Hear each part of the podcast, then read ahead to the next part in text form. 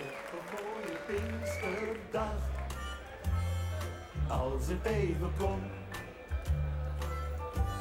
liep ik met mijn dochter aan het handje in het parkje, te kuieren in de zon. Goedenavond, Feyenoorders.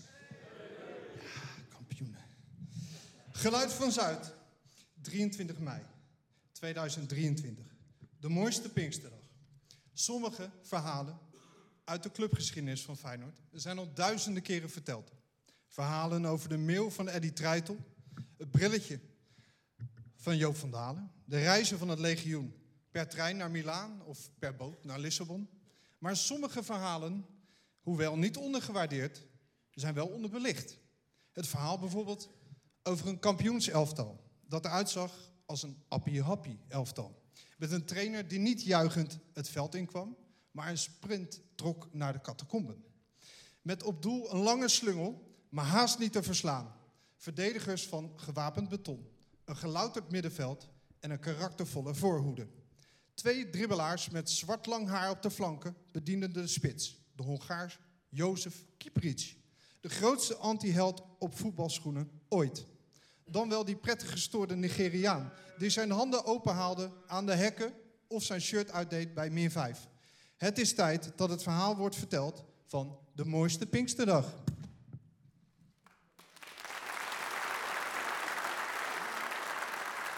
En, en dat doen we vanavond. Dat doe ik niet in mijn eentje gelukkig. Maar daar heb ik hulp bij, ook van Ellen Mannens. Geef een hartelijk applaus. Goedenavond. Goedenavond allemaal. Goedenavond Dave Geensen. Ja, goedenavond eh, Ellen Mannens. Schrijfster, podcastmaker. Onder andere. En Dave, bedenker van de podcast Geluid van Zuid, waar jullie nu live in een uitzending zitten. En eh, de man eigenlijk die een beetje de reden is dat wij hier staan met z'n allen vandaag. Ja, wat, wat gaan we doen vandaag is eigenlijk de vraag. Nou, dat is wel duidelijk. De mensen die een kaartje hebben gekocht hebben dat keurig gelezen natuurlijk. Wij gaan vandaag een ode brengen aan dat ene onderbelichte seizoen 92-93. Wat ons betreft het seizoen waarin de liefde voor de club begon. En eh, daarom vinden we het tijd dat, dat dat seizoen nog een keer extra aan het licht wordt gezet. Normaal gesproken staan wij, zitten wij braaf in de kantine van Rijnmond en nemen we onze podcast op. Maar vandaag doen we dat dus even gezellig met jullie hier in Theater Zuidplein. En ik ben even benieuwd, nu we hier toch zijn met z'n allen. Even eerlijk allemaal. Wie van jullie kan zich 92, 93 nog helder herinneren? Handjes in de lucht, een beetje zaallicht erbij als het mag. Even. Ah, dit zijn er veel, veel, heel eerlijk allemaal. Ah, dat zijn er best wel wat. Wie van jullie, nu gaan we even de moeilijke vraag stellen, heel vervelend, was er niet bij, weet er helemaal niks van? Kijk dan ook even, er staan meestal de, eh, mensen achterin. Nou, dat is ook nog wel aardig wat mensen die we wat kunnen leren. Ach, geschiedenisles dan vanavond, Dat toch? is een hele goeie. En wie, even eerlijk zeggen, wie van jullie is er mee omdat hij moest? Ik zie er een paar. Welkom, welkom, welkom bij het legioen. Maar eh, Dave, wil jij nog één keer uitleggen wat, jij, wat wij nou precies doen hier bij Geluid van Zuid? Nou, wat we niet doen is over die wedstrijd praten. De laatste of de volgende. Of over knijpende backs, hoog druk zetten, looplijnen. Maar we zijn op zoek naar een antwoord op de vraag die ons bezighoudt. Wat is dat voor een club? Inderdaad, daar zijn we aflevering na aflevering mee bezig. En dan is het nu dus tijd voor een vaste rubriek uit onze podcast. Laten we daar maar mee beginnen dan.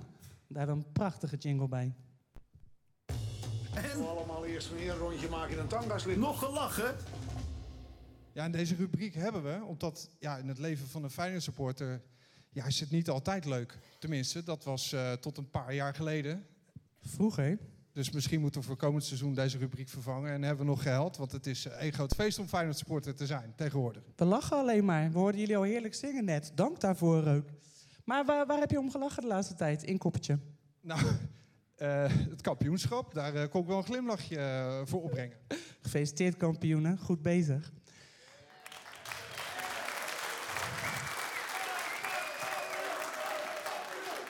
Wij zijn kampioen. Inderdaad, wij zijn kampioen. Ja, de confetti-slingers zitten nog in de haren, ik zag het net. Ik Hey, maar over haren gesproken. Ja. Wat heb je daar in je handen? Ik trek hem even terug eh, naar het seizoen waar we het nu over hebben, 92-93. Ik heb dus hard gelachen toen wij in maart een oproepje gingen doen voor deze show. Wij zeiden namelijk, er is één item dat het seizoen 92-93 echt symboliseert. En voor ons was dat deze. Kent u deze nog, nog, nog? Je wil niet weten hoeveel reacties wij kregen toen we vroegen... wie heeft het John de Wolf petje nog? En eh, we hebben hem dus vandaag. En daar zijn we heel erg blij mee dat we dat petje erbij hebben. Hele goeie. Ah, petje. Maar kwamen nu mensen voor het petje, denk je? Of misschien voor die man die onder dat petje past. Ik zag hem net lopen volgens mij. Zullen we hem erbij roepen? John. John de Wolf.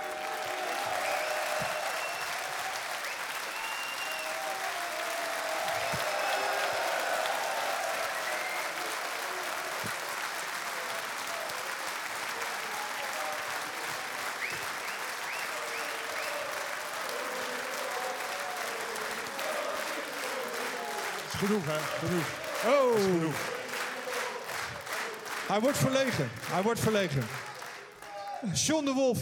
Van 89 tot 94, 111 wedstrijden en 9 goals. En hij is er en kampioen. John, nogmaals gefeliciteerd. Ook namens de hele zaal. Dankjewel.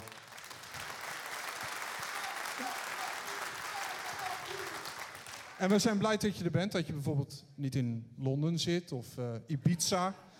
Maar je bent gewoon hier. Op Zuid, op Zuidplein. Ja, Bij ons. waar ik thuis hoor, toch?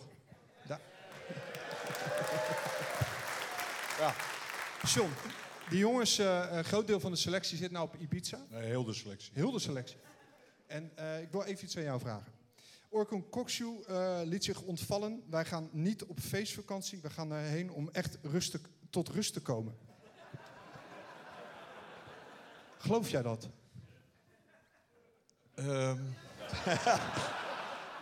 Nou, ik, ik, moet, ik moet eh, mijn aanvoerder geloven, weet je wel. Dus ja, weet je, kijk, die jongens hebben natuurlijk heel het jaar al zo hard getraind en eh, alle camera's op hun gericht. En ehm, ja, dit is gewoon spontaan in die groep gekomen. En ja, weet je, hoe mooi is het als je met heel de groep, want ik heb ook wel weer Indianenverhalen gelezen dat de, de helft van de groep er wel heen gaat, dat ze zelf betalen en dat een aantal jongens thuis blijven. Maar ze zijn echt, met heel de groep zijn ze weggegaan zonder staf.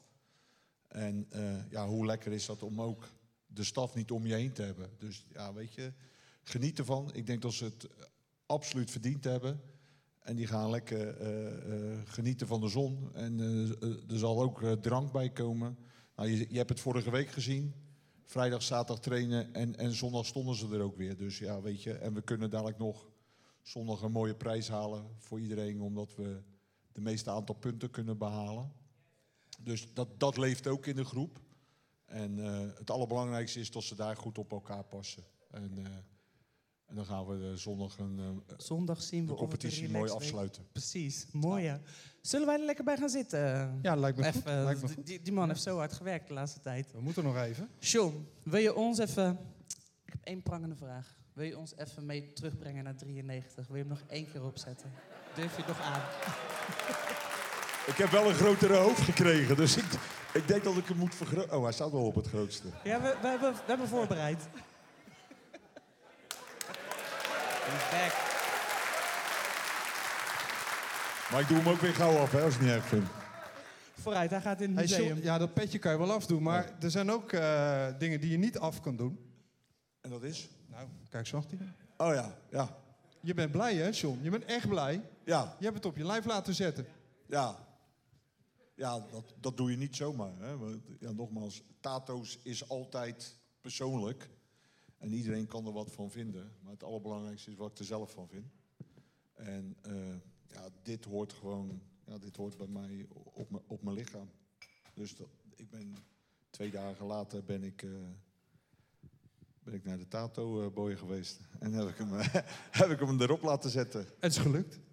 Ja, dat is zo te zien wel, ja. Hey, maar even, wat voor mooi seizoen was het? Want twee tato's in een seizoen, hè? Er staat er nog eentje als het goed is. Ja, dat, dat, dat heeft ook een speciale reden. Dat was de wedstrijd Lazio Roma thuis. De allerlaatste beslissende wedstrijd. En ehm, ja, het spandoek hè, met, eh, met de bokser. Met heel het verhaal erachter. Ik duik voor niemand, niet voor jou en eh, voor niemand anders. En heel de sfeer eh, in die wedstrijd. En, en dat je hem dan ook nog eh, uithaalt, die wedstrijd. En dat je eigenlijk in de rust ben je derde of vierde in de groep. En omdat je hem wint, ja, ben, je, ben je eerste in de groep. Ja, dat, dat zijn speciale wedstrijden die, die je nooit meer, maar dan ook echt nooit meer gaat vergeten. En hoe mooi kan je het dan maken om die, om die spreuk eh, ja, o- ook op je lichaam te laten tatoeëren. ja, ik heb een groot lichaam, dus er kan veel op. Pas nog wel wat bij. Kom maar door met die prijzen. En dat grote lichaam van jou, daar hebben we ook wel eens iets anders omheen gezien dan eh, een Feyenoord shirt. Ja, Kent Ja, u zo. deze nog? Ik, eh, ik heb nou het idee of ik naar testbeeld zit te kijken. Ja, Als u misselijk wordt, even ogen dicht hoor. Maar... Ah, dit, waren, dit waren de hemden. Hè. Ik, eh, dat waren de Armstrong hemden. En eh, er werden er een miljoen per jaar van verkocht. En, eh, Had je aandelen? nou, had ik ze maar aandelen, had ik maar Mm. aandelen gehad. Nee, maar dit, dit was echt een grote hype. En ja, weet je, het klinkt misschien overdreven, maar ik denk dat ook nog een x-aantal keren per jaar eraan herinnerd wordt dat mensen over die Armstrong blouse beginnen. En, eh, en dan komt er wel weer, ja, ja, John de Wolf blouse. En dan komen er weer foto's voorbij. En ja, weet je, het, het, het was mooi. Het was een gekhuis. Eh, Een van mijn vrienden die had uh, bloed in op de, op de oude binnenweg. Ja, die kon het niet aanslepen. En eh, ja, het, het was een mooie tijd. Als ik er nu naar kijk, dan eh, krijg ik pijn in mijn ogen. Maar Ja, het, was, eh, uit, het was mooi. De 90s komen terug, dus die overhemden ook weer. Het Ja, gaat jij bent er al mee begonnen, geloof Ja, ik, of Ja, niet? ik dacht, ik pas me aan. Ellen zit helemaal in het thema van de avond. Dat doet ze gewoon goed. Ja, toch? Hey ja. John, super fijn dat je er bent. Ehm, maar we hebben nog meer mensen opgetrommeld. Ja, nou ja, d- d- je wordt natuurlijk niet kampioen in je eentje. Doe je met een elftal. Wat weet jij nog van de man hier helemaal links op de foto? Met shirt. Die zie ik niet. Er staat een En, arm voor. Dan doen we, dan doen we voor jou. En diegene die die arm ervoor houdt. Wat Je weet je nog van die zijn. Je man? moet scherp blijven, hè? Nee, Ruud Heus, ja. Dat was mijn eh, slaapmaatje. En eh, ja, dat was ja, eh, een fantastische collega, maar ook een hele goede voetballer. Maar ook als mens een, een prachtpersoon. En we komen elkaar eh, eh, niet veel tegen, maar als we elkaar tegenkomen is het altijd eh, prima. En de net ook hiervoor. Niet verklappen. Zullen we hem er gewoon bij halen? Oh, eh, ze weten toch dat hij er is? Ja, ik ben geen Hans Kazan. Dus, eh, nee. Ruud, kom maar hoor. ja, precies. Ruud Hees.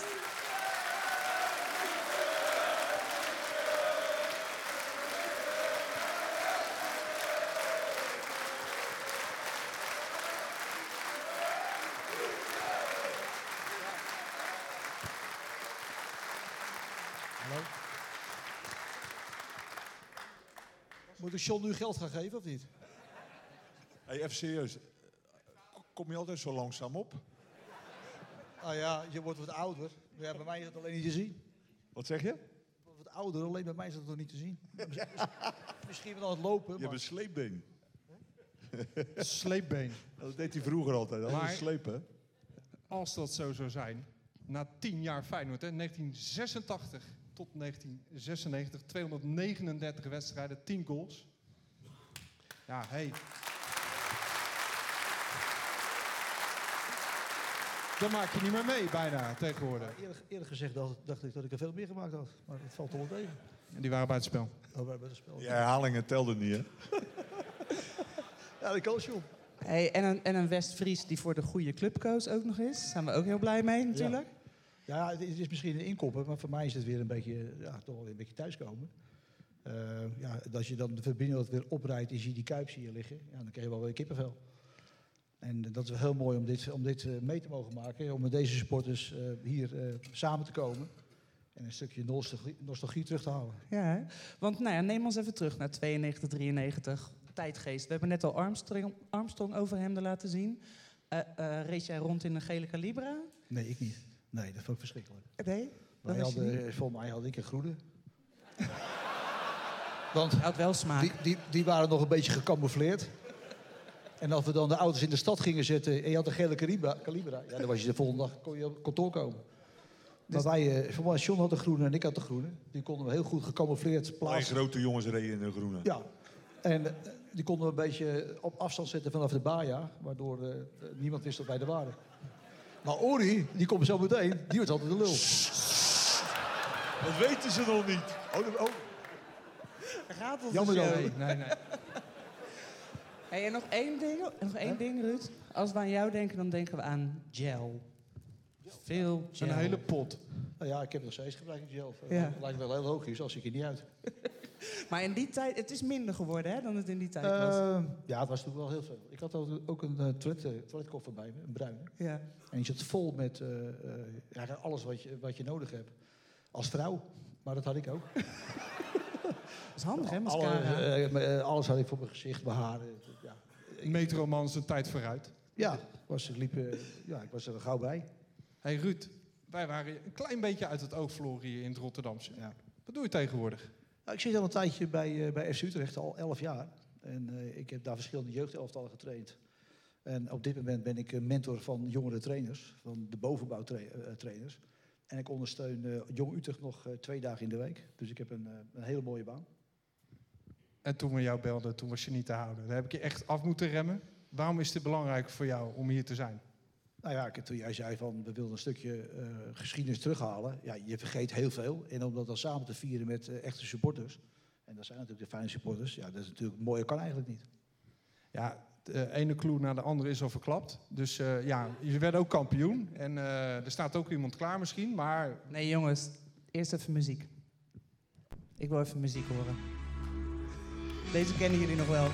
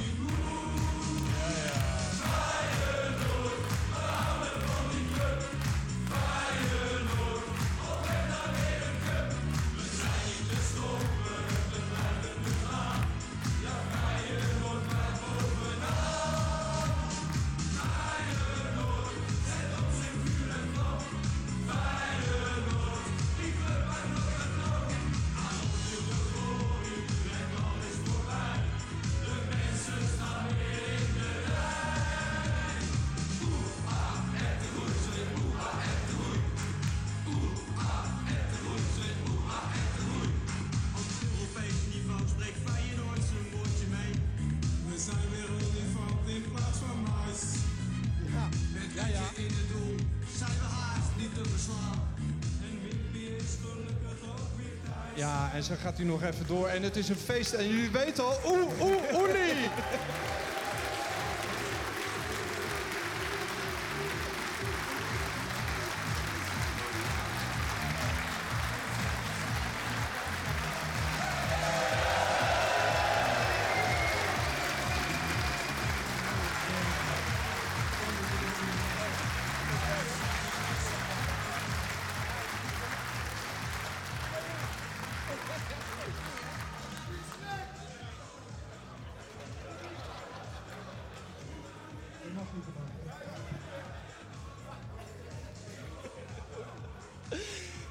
Moeten we jou nog eh, introduceren? Ik geloof dat het gejuich van de zaal al genoeg zei over hoe populair je bent. Ehm, de periode waar wij het over hebben, 90 tot 95 heb je gespeeld bij Feyenoord. Ook nog een tweede periode, maar daar zitten we nu even niet in. 222 wedstrijden gespeeld voor Feyenoord. Vijf goals ook nog gescoord.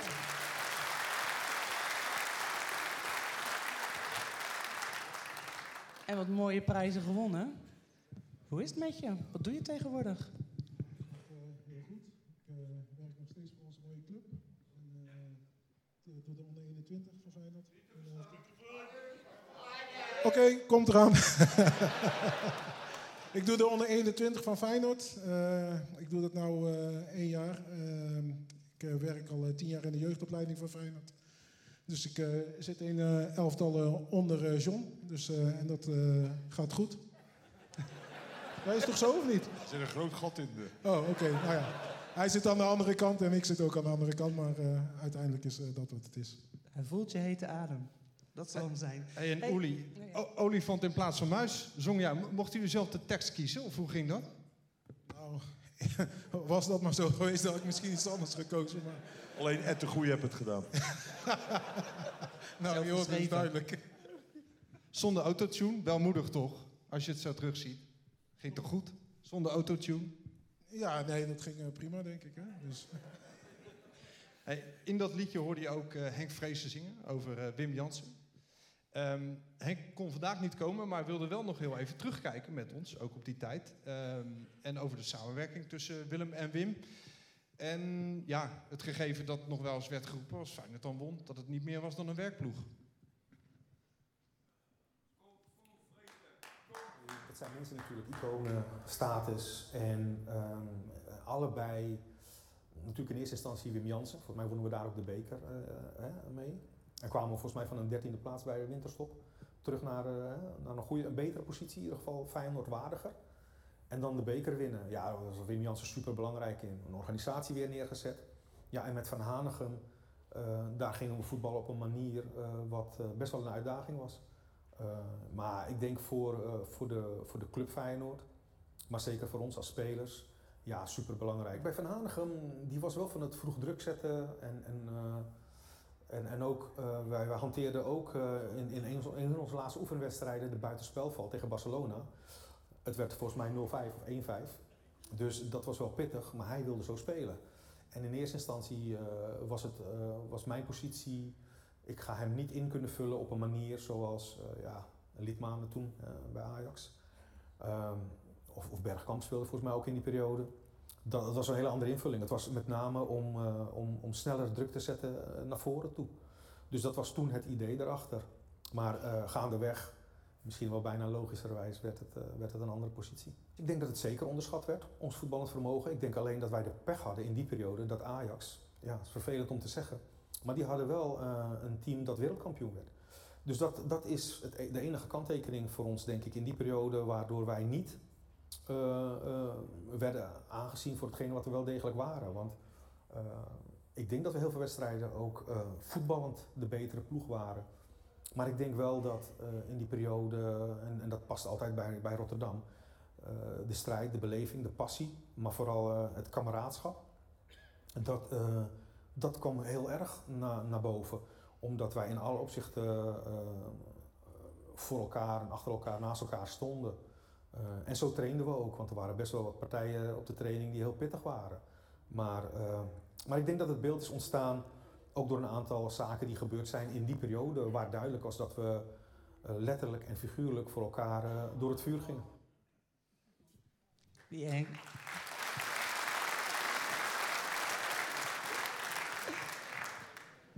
Mag ik even één ding hieruit halen? Wim en Willem, de benoemde die in het begin even.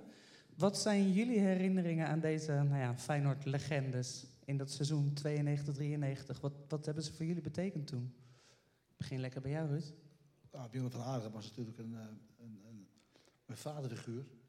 En ja, die paste precies bij onze groep. Uh, ik denk dat wij een trainer als Louis Vergaal niet hadden geaccepteerd. Ik denk dat hij binnen weken, vier weken was weggelopen.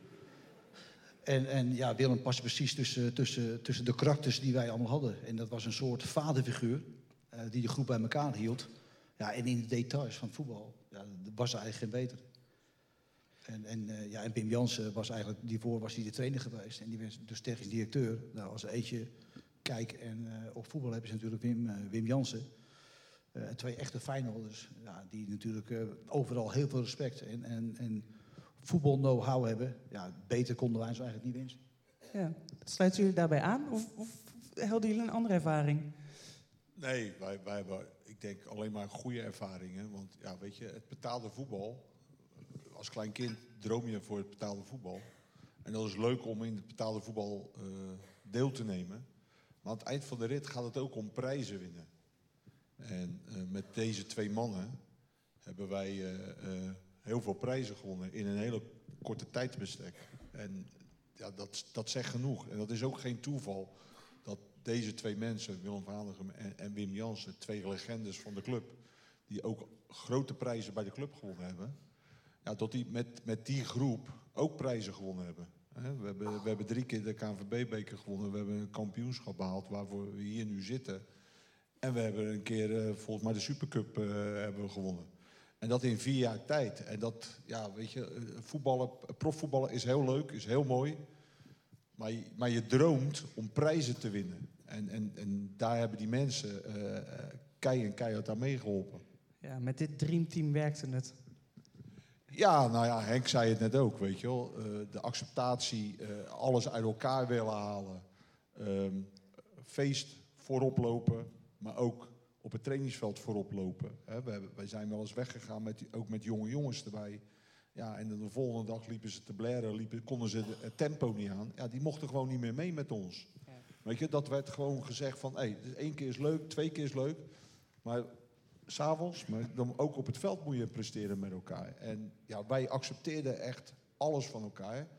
En, en, en wij gingen echt trainen om elke dag beter te worden met elkaar. En dat is wel uitzonderlijk. En dan is het ook niet raar dat je prijzen met elkaar haalt. Wat, wel heel gek is eigenlijk, als je die groep eh, analyseert, dat je eh, zo verschillende sterke karakters. En eigenlijk, normaal gesproken, als je zoveel karakters bij elkaar zet, krijg je ruzie. Krijg je ruzie onderling, want de ego's van de een is groter dan de ander. En dit waren heel sterke karakters, maar de ego's die waren nooit aanwezig. We corrigeerden elkaar allemaal en we deden de gekste dingen. Maar als die fluit ging, of, op de training, op het veld, ja, dan gingen we, er stonden we echt voor elkaar. En ik, ik kan me niet herinneren tot we elkaar ooit hebben laten vallen. Nooit. Uli, de buitenwacht noemde u dan werkvoetbal. En ik keek een beetje neer op het voetbal werd er- wat er werd gespeeld. Ge- Was dat voor jou ook zo? Dat je eyes on the prize, focus eh, op dat zilverwerk? Boerde het je iets wat er van buiten eh, gezegd werd over jullie? Of maakt het jullie juist sterker?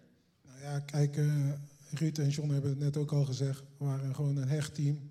En eh, twee hele grote trainers, twee oudspelers van Feyenoord. Hè. En dat maakte het wel. Maar ook, eh, wat John net zegt, hè, met de jonge jongens. Hè. Ik was dan een van de jonge jongens. Ik mocht wel altijd mee trouwens hoor. Nou, laten we dat even duidelijk hebben. maar om, om heel even kort te zijn, dat waren gewoon voorbeeldfiguren. Ook Ruud en, en John. En, eh, ik ken een verhaal, ik kwam net van Willem II, kwam ik net naar Feyenoord toe en er werd even de toon gezet. Dus de eerste keer kwam ik aan de bal en toen eh, ging ik Ruud voorbij. En de tweede keer, ja, dan lag ik op de grond. En toen dacht ik van, oh, gaat dat zo hier? Ja, en dat is wel, dat is wel Feyenoord. Weet je, gewoon, ja, je moet gewoon alles geven, goed presteren en met elkaar. Ja, konden wij gewoon een heel goed team zijn. En met twee grote trainers, ja, dat was natuurlijk geweldig. En eh, ja, heel die groep die je toen had, ja dat, ja, dat hield van elkaar. Dat kon ook ruzie met elkaar maken. Maar zodra wij in de kleedkamer kwamen en we waren in het gewoon leven, was alles weer goed. Maar op het veld eisten we alles van elkaar. Ja, en ja, dat hoort gewoon. En dat was gewoon geweldig. Er zat een over mijn lijk mentaliteit in die ploeg, volgens mij Ruud. En Willem die was ook niet te beroerd om jullie daar een beetje bij te helpen op de training, heb ik me wel eens laten vertellen. Balletjes half hoog gooien. Ja, maar Willem die deed soms zelf mee. En soms gaf, gaf hij gewoon een elleboog. Nou, dus, eh, wilde, hij, wilde hij een kopduel gaan, dan gaf hij gewoon een elleboog. Gaf hij. Of de, dan speelde hij de bal linksom en dan schopte hij rechts, schopte hij gewoon ondersteboven. Ja, die, die, die brengt wel karakter, bre- bre- bracht hij erin. Ik heb het zelfs meegemaakt, met een kopduel en ik raakte hem. En toen zegt hij de volgende keer, ik sla je zo'n volgende keer sla je voor je bek. Ja, dan leer je wel, dan leer je wel heel snel het vak. Het kaf werd zo van het koren gescheiden. Zeker. Zullen wij eh, naar de start van het seizoen gaan? We, gaan? we gaan niet te veel over voetbal hebben, want dat zeggen we altijd, dat doen wij niet. Maar we willen hem toch even doornemen. Als we kijken naar dat seizoen 92, 93. Ehm, nou ja, we, begonnen het seizoen met flink wat nieuwe aankopen. Ehm, we hadden een Trustful, we hadden een Goree, een Refos. Op deze foto zien we zelfs Cameron er nog bij sta- staan. Ehm, en wie hier nog niet op de foto staat is Mike Obiku. De man uit Nigeria via Cyprus kwam hij naar Feyenoord. Zou de oplossing moeten worden voor het spitsenprobleem. Hoe zagen jullie dat toen die, eh, toen die man er binnenkwam? Nou ja, ik denk dat Mike had één, eh, één groot probleem. En die was heel erg gauw op zichzelf. Niet een beetje. Nou, niet een beetje, een beetje veel. Die, die was gewoon, die kwam bij ons binnen in de kleedkamer, vergeet ik nooit meer. En hij had geen kroon op, maar hij kwam binnen als de koning. En hij kwam binnen om, alsof hij ons ging helpen aan het kampioenschap. Ja, nou ja, dan wens ik een prettige wedstrijd. Maar dat hebben wij ook wel gelijk laten blijken. We hebben hem echt letterlijk en figuurlijk echt ook in de hoek gezet, weet je. En, eh, en dat hij gewoon normaal moest doen. En eh, geen uh, captiones en geen rare fratsen. En hij kwam echt met een, met een, met een, ja, met een captiones die, die kleedkamer in in het begin. En van, nou, hier ben ik en ik ben Mike Obiku. Weet je wel, ja, zo wat, weet je. En wat wilde die ook weer voor lunch eten? Ja, maar hij was volgens mij. eh, wat, het eerste waar ik aan Mike aan denk is. eh, In, de, in begin jaren negentig dan, hè, waar we het over hebben, kwa- kwamen de, de, de telefoontjes. Maar wij, bij, bij ons hadden wij, ja, we, we, verdienden aardig, dus wij hadden allemaal de nieuwe dingen. Mobiele telefoons. Mobiele telefoon. Maar Mike had nog geen mobiele telefoon. Maar, maar dat kon hij niet hebben. Dus daar werd hij een beetje jaloers van. En op een gegeven moment gaan we met z'n allen rijden we weg. En dan stond Mike Obiku stond voor de stoplicht te wachten. En wij hadden die kleine mo- mobiele telefoontjes in de hand. En op een gegeven moment, ja, hij wilde ook interessant doen. Dus hij pakte ook, hij had gewoon zijn telefoon van thuis meegenomen. die had zo'n grote hoorn had hij in zijn handen. En dan liep hij gewoon tegen te praten. En het snoer zat er gewoon nog aan, weet je wel, ja. Dat moet een goed gesprek Nee, geweest maar zijn. dat, dat was dus typerend Mike. En daarna is het allemaal goed gekomen met hem. En is, het is een super lieve gozer. Hij heeft ook eh, veel belangrijke goals gemaakt. Hij kon ook wel aardig voetballen. Maar ik moet zeggen, ja, dat was ook Mike, weet je wel. Eh, Ruud vertelde net ook. En, dat, en dan op het moment dat je gaat vertellen, een taxi. Hè, met een taxichauffeur. Hij wilde niet betalen. Ik ben Obiku. Ja, hij, hij, Ja, toen hoorde die hij van die taxichauffeur. Hij zich door de "Nou, ga stad, eh, hij door de stad liet zich heen rijden. En eh, zegt hij op een gegeven moment, moest hij betalen. Hij zegt, weet je wel wie ik ben? Ik ben de nieuwe striker van Feyenoord. En die taxichauffeur zegt, kan mij de pleurs wie je bent. Je moet gewoon, jij, moet, ge- jij moet gewoon gaan betalen, moet je. Welkom in Rotterdam. Rotterdamse opvoeding. O- Oeli, ehm, van de Hanegem hoorden we net eh, eh, ook al over ja, hoog druk zitten bijna. Een beetje wat we nu vaak horen. Hij wilde op een andere manier voetballen dan eh, Wim Jansen. Dat was meer eh, het accent op de defensie. Ehm, hoe was dat? Met Fraser als nummer 10 zelfs. Hoe kijk je daarop terug? Heb je daar herinneringen aan? Henk stond bekend om zijn mooie lopen en de mooie afstanden die hij kon afleggen. Dus tegenwoordig zie je ook dat de intensiteit hoog moet zijn. Dus Henk had het wel onder de knie. Die kon het wel, vond ik. Dus, eh, en eh, in de tijd hoog druk zetten. Ja, ik denk dat ja, voetbal verandert, maar sommige dingen in voetballen blijven hetzelfde. Dus eh, druk zetten op de centrale verdediger, et cetera, et cetera. Je kan het noemen zoals je wil. Je kan een beetje meer terug. Half hoog, laag, nog lager. Ja, dat maakt allemaal niet uit. Uiteindelijk gaat het erom dat je voetbalt en dat je kampioen wordt. En ja, druk zetten, ja, dat is een term die gebruiken veel trainers. Duidelijk. Ehm, nou, dat seizoen begint dan. Eerst met een voorbereiding, zoals dat altijd gaat. Dat gaat niet helemaal van een leien dakje. Veel blessures. Verliezen van een amateur uit België. 4-2. Barcelona 1-5. PSV, Supercup 1-0. Dan hou je hard vast voor de eerste competitiewedstrijd. Maar daar begint het leuke verhaal. Want die eerste wedstrijd van de competitie, uit tegen Twente. Roept u maar, hoeveel werd het daar? 0-5 inderdaad. Hoe kon het ineens? Die voorbereiding ging wat met horten en stoten. We staan daar in de eredivisie, eerste wedstrijd. En jullie zijn er. Bam, 0-5. Is dat te verklaren? Ja, volgens mij was ik geblesseerd in de voorbereiding. Ik denk, ik denk dat we ons, Ik weet er echt ik helemaal niks meer van. Ik weet er niks meer van. ik, ik denk dat, ik denk dat we gewoon eh, ons ingehouden hebben voor deze competitiewedstrijd. Niet alles vrijgeven Je meteen. moet even rustig gaan beginnen. Ja, slim. Naar het hoogtepunt toegewerkt. Ja, het heeft Nee, weet je, in de voorbereiding ga je altijd beginnen en dan krijgt iedereen zijn kans. En, en weet je, wel, het allerbelangrijkste in een voorbereiding is fit blijven. Als ik nu even heel snel het woord voorbereiding hoor, dan denk ik gelijk aan dit jaar. Voorbereiding, eerste wedstrijd tegen Kopenhagen. 0-7. Ja. Dus weet je wel, voorbereiding is allemaal leuk en aardig. Maar het allerbelangrijkste is dat je aan het eind van de rit fit bent om de eerste wedstrijd te spelen. En dat waren we dus. Ja. Maar ja, die voorbereiding van ons die waren, waren natuurlijk heel anders. Want je hebt nu hele grote selecties van 30 man. En nu, wij hadden misschien 20 spelers, maximaal. En wij moesten 's ochtends een bosloop doen en, en eh, daarna nog een training. En 's middags nog een training en s'avonds nog een wedstrijd. En vroeg naar bed. Hij vroeg naar Dat bed. deed je ook netjes. Ja, soms zonder die schoenen was ze trappel in de kast. Hè, John? Maar ja, weet je, dat wa- was natuurlijk heel anders dan nu. Nee, maar dat, dat, Wij is hadden vijf trainingen op een dag. dat is het mooie, weet je. Als wij nu wel eens met de jongens eh, eh, ergens over praten... en dan, ja, weet je, de tijden veranderen... en eh, eh, we gaan niet over beter of slechter praten...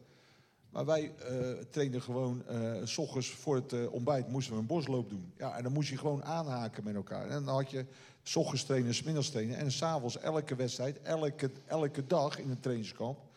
hadden we gewoon vijf oefenwedstrijden bij amateurclubs. En er stonden gewoon 7.000, 8.000 man. En wij hadden ook een groep die wilde gewoon ja, elke wedstrijd gewoon vol gas geven. En als je dat tegen de jongens nu zegt, ja, weet je, die, de tijden zijn veranderd. En tuurlijk, eh, maar ja, dat is bijna niet meer te bedenken dat je drie keer op een dag traint. Dat was nog eens voorbereiden, inderdaad. Ja, maar het belangrijkste is dat je aan het eind van de rit, en, en, en dat is eigenlijk het verhaal, eind van de rit moet je klaar zijn om die competitie te starten. Ja. Ja. en als je dan een aantal wedstrijden verliest, ja, dat is heel vervelend waarschijnlijk voor de buitenwacht, hè, voor het vertrouwen. Maar het allerbelangrijkste is op het moment dat het begint, dan moet je er staan met elkaar. Ja. Nou, dat bleek. Ik maak even een sprongetje. We gaan naar 22 november. Dat was, ik ga het jullie niet over horen hier, maar dat was eh, de dag dat jullie tegen Den Bosch speelden. Uit. Uit tegen Den Bosch. Weten jullie de uitslag nog, zaal? 1-5, inderdaad. Professor Feyenoord in de house. Heel duidelijk.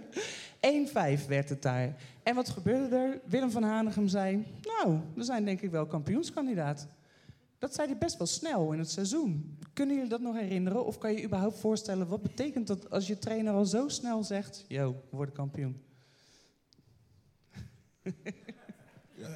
Ja, ik had het helemaal niet in de gaten. En eh speelden gewoon elke wedstrijd eh, speelden we weer en we deden ons stinkende best. Alleen wij wisten wel altijd dat na de winterstop of vlak bij de winterstop... dat Ajax altijd wel wat puntjes liet liggen. En dat was best wel een aantal jaren achter elkaar. En PSV eigenlijk ook. PSV eigenlijk ook. En, en met die gedachte gingen wij wel altijd na de winterstop volle bak spelen. En we wisten gewoon in het hoofd dat hun altijd wel punten lieten li- laten liggen na de winterstop. Ik weet niet of jij dat ook zo vond, John, maar dat eh, had ik wel altijd. Het mooie is dat, dat je natuurlijk, wij, wij kregen ook mee wat de trainer zei. En, eh, en, en dat, dat probeerde hij ook vaak te benoemen, want hij werkte ook door de week met ons. Ja. En hij zag ons ook eh, in de loop van het seizoen ja, ook beter worden. En eh, ook vertrouwen, weet je, op het moment dat je dat hoort van je trainer. Ja, het was nog niet, het was niet zomaar een trainer voor ons, weet je. Het was echt een, een- een legende. En, eh, en wij keken echt tegen hem op, terwijl het eigenlijk helemaal niet hoefde. En, ehm, maar dan is het wel mooi dat hij ja, nog meer eh, energie, maar ook vooral ehm, dat we nog meer vertrouwen kregen met elkaar. En dat we op een gegeven moment ook zelf gingen geloven in het succes. Juist. Ja, dus als ik het zo samenvat... jullie schrokken niet per se van deze opmerking van Van Hanegem. jullie gingen groep- door met wat je deed. Deze groep schrok niet zo gauw. Sorry, ik had het kunnen weten dat je het ging zeggen. Voor niemand bang. Nou ja, want, precies. Want daarna gingen we eh, Vitesse gingen we ook nog, hadden we. En daar hadden we een later gelijkmaker van, Mike Obiku. En toen deed hij een van zijn karakteristieke dingen... wat hij dat seizoen wel vaker zou doen. Zijn shirt uit natuurlijk. Ja, en dat deed hij wel eens vaker. Ook in de uitwedstrijd bij Willem II. De wedstrijd was nog niet klaar, maar gooide zijn shirt uit na een, eh, na een 2-2. En eh, John Metgoed en Uli die moesten dat shirt uit het vak halen. En dat was een Willem II vak notabene. Nou, ze gooide heel snel dat shirt naar mij toe, want ik heb daar gespeeld, dus hij kende me. Dus eh, heel snel het shirt teruggegeven. Nee, maar dat deed Mike wel vaak. En ja, het was mooi om te zien. Goed lichaam staan. Maar ja, ik denk dat al met al was prima. Belangrijke goals gemaakt. En ja, wat moet ik er nog meer over vertellen eigenlijk? Nou, het is gebeurd. Goed. Ja. Nou, we- we hebben mensen die heel goed over de geschiedenis van Feyenoord kunnen praten. Dus daar kunnen we wel even naartoe. Wij zitten lekker te peuren in de geschiedenis. Maar we hebben vandaag ook nog een gast uitgenodigd. Ehm, de man die zo'n beetje een hele boekenkast heeft volgeschreven... over de geschiedenis van Feyenoord van het begin tot nu aan toe, zo'n beetje. Ehm, de man die zelfstandig eh, als conducteur de, speel, eh, de, de supporters naar Milaan reed... voor de Europa Cup wedstrijd tegen Celtic. Mag ik een applaus voor schrijver Jan Oudenaarde.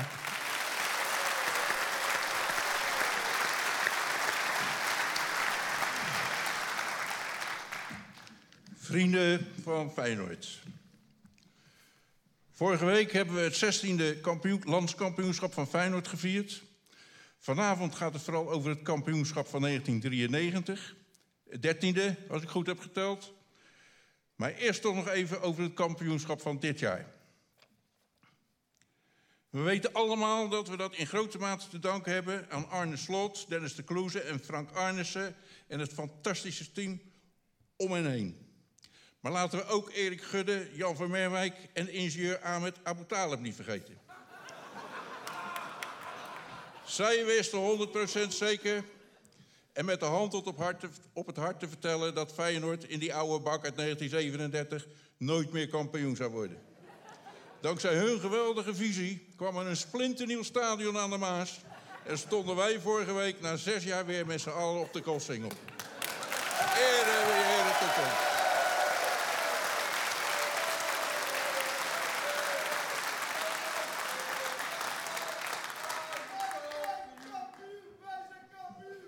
Maar terug naar 1993. Toen ik werd gevraagd een column te schrijven om een themaavond over het kampioenschap van 1993 op te vrolijken, zei ik meteen ja. Maar ik dacht ook, over de andere kampioensjaren valt toch ook wel wat te vertellen.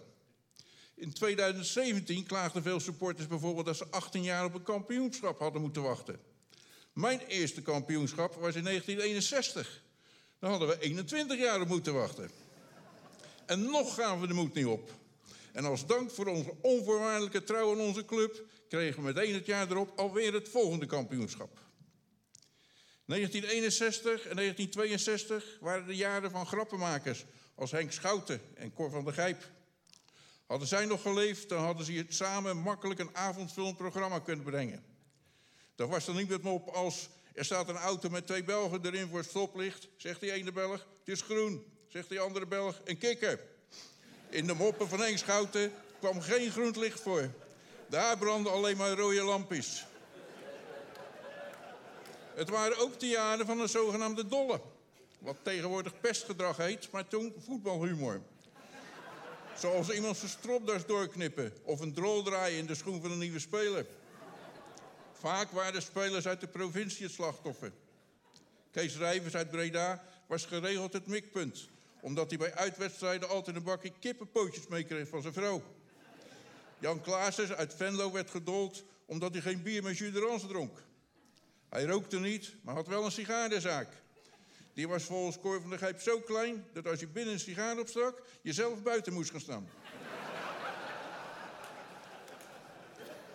Henk Schouten ging met kleren aan onder de douche staan. Pummu Bergholz uit Maastricht kwam niet meer bij. Tot hij zag dat ze eigen kleren waren.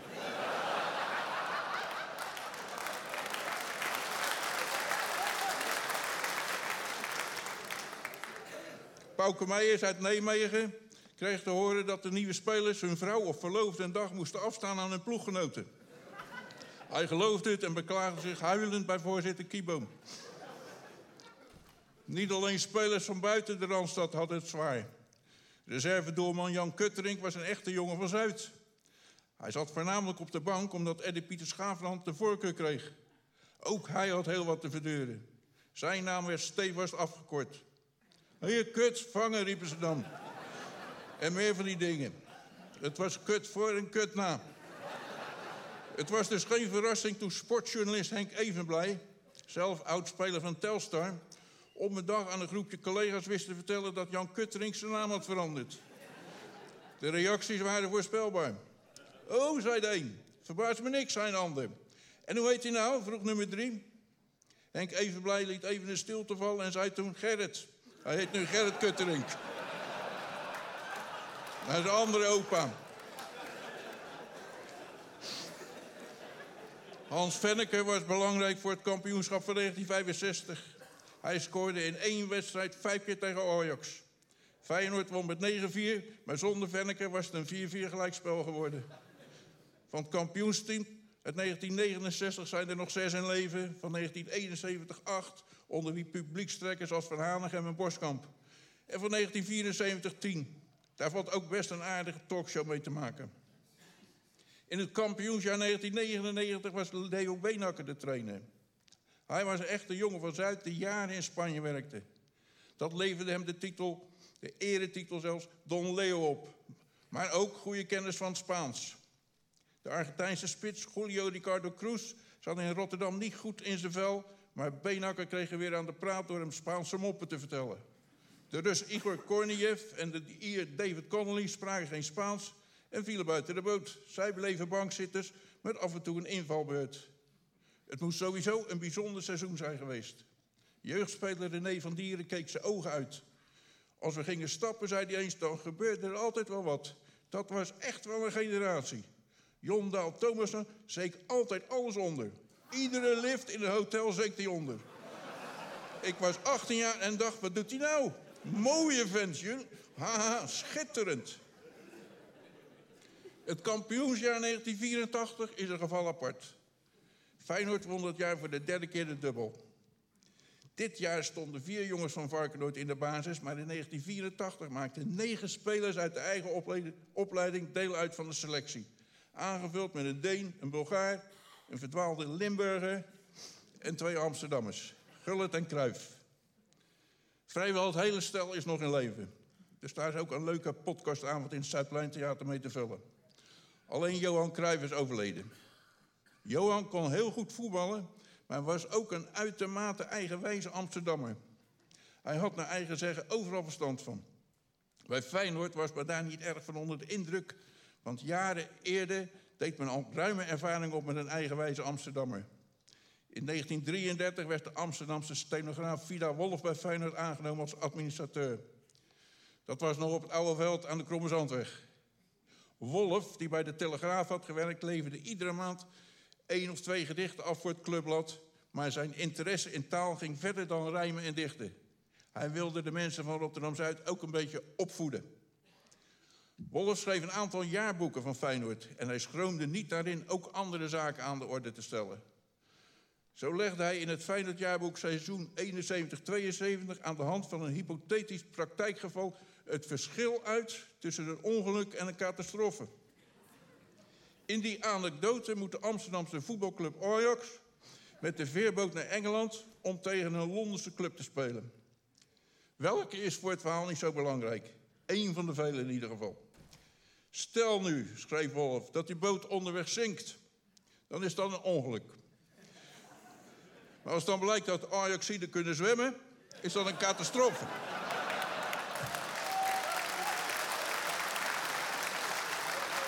Nou, mijn tijd is om. Ik dank u.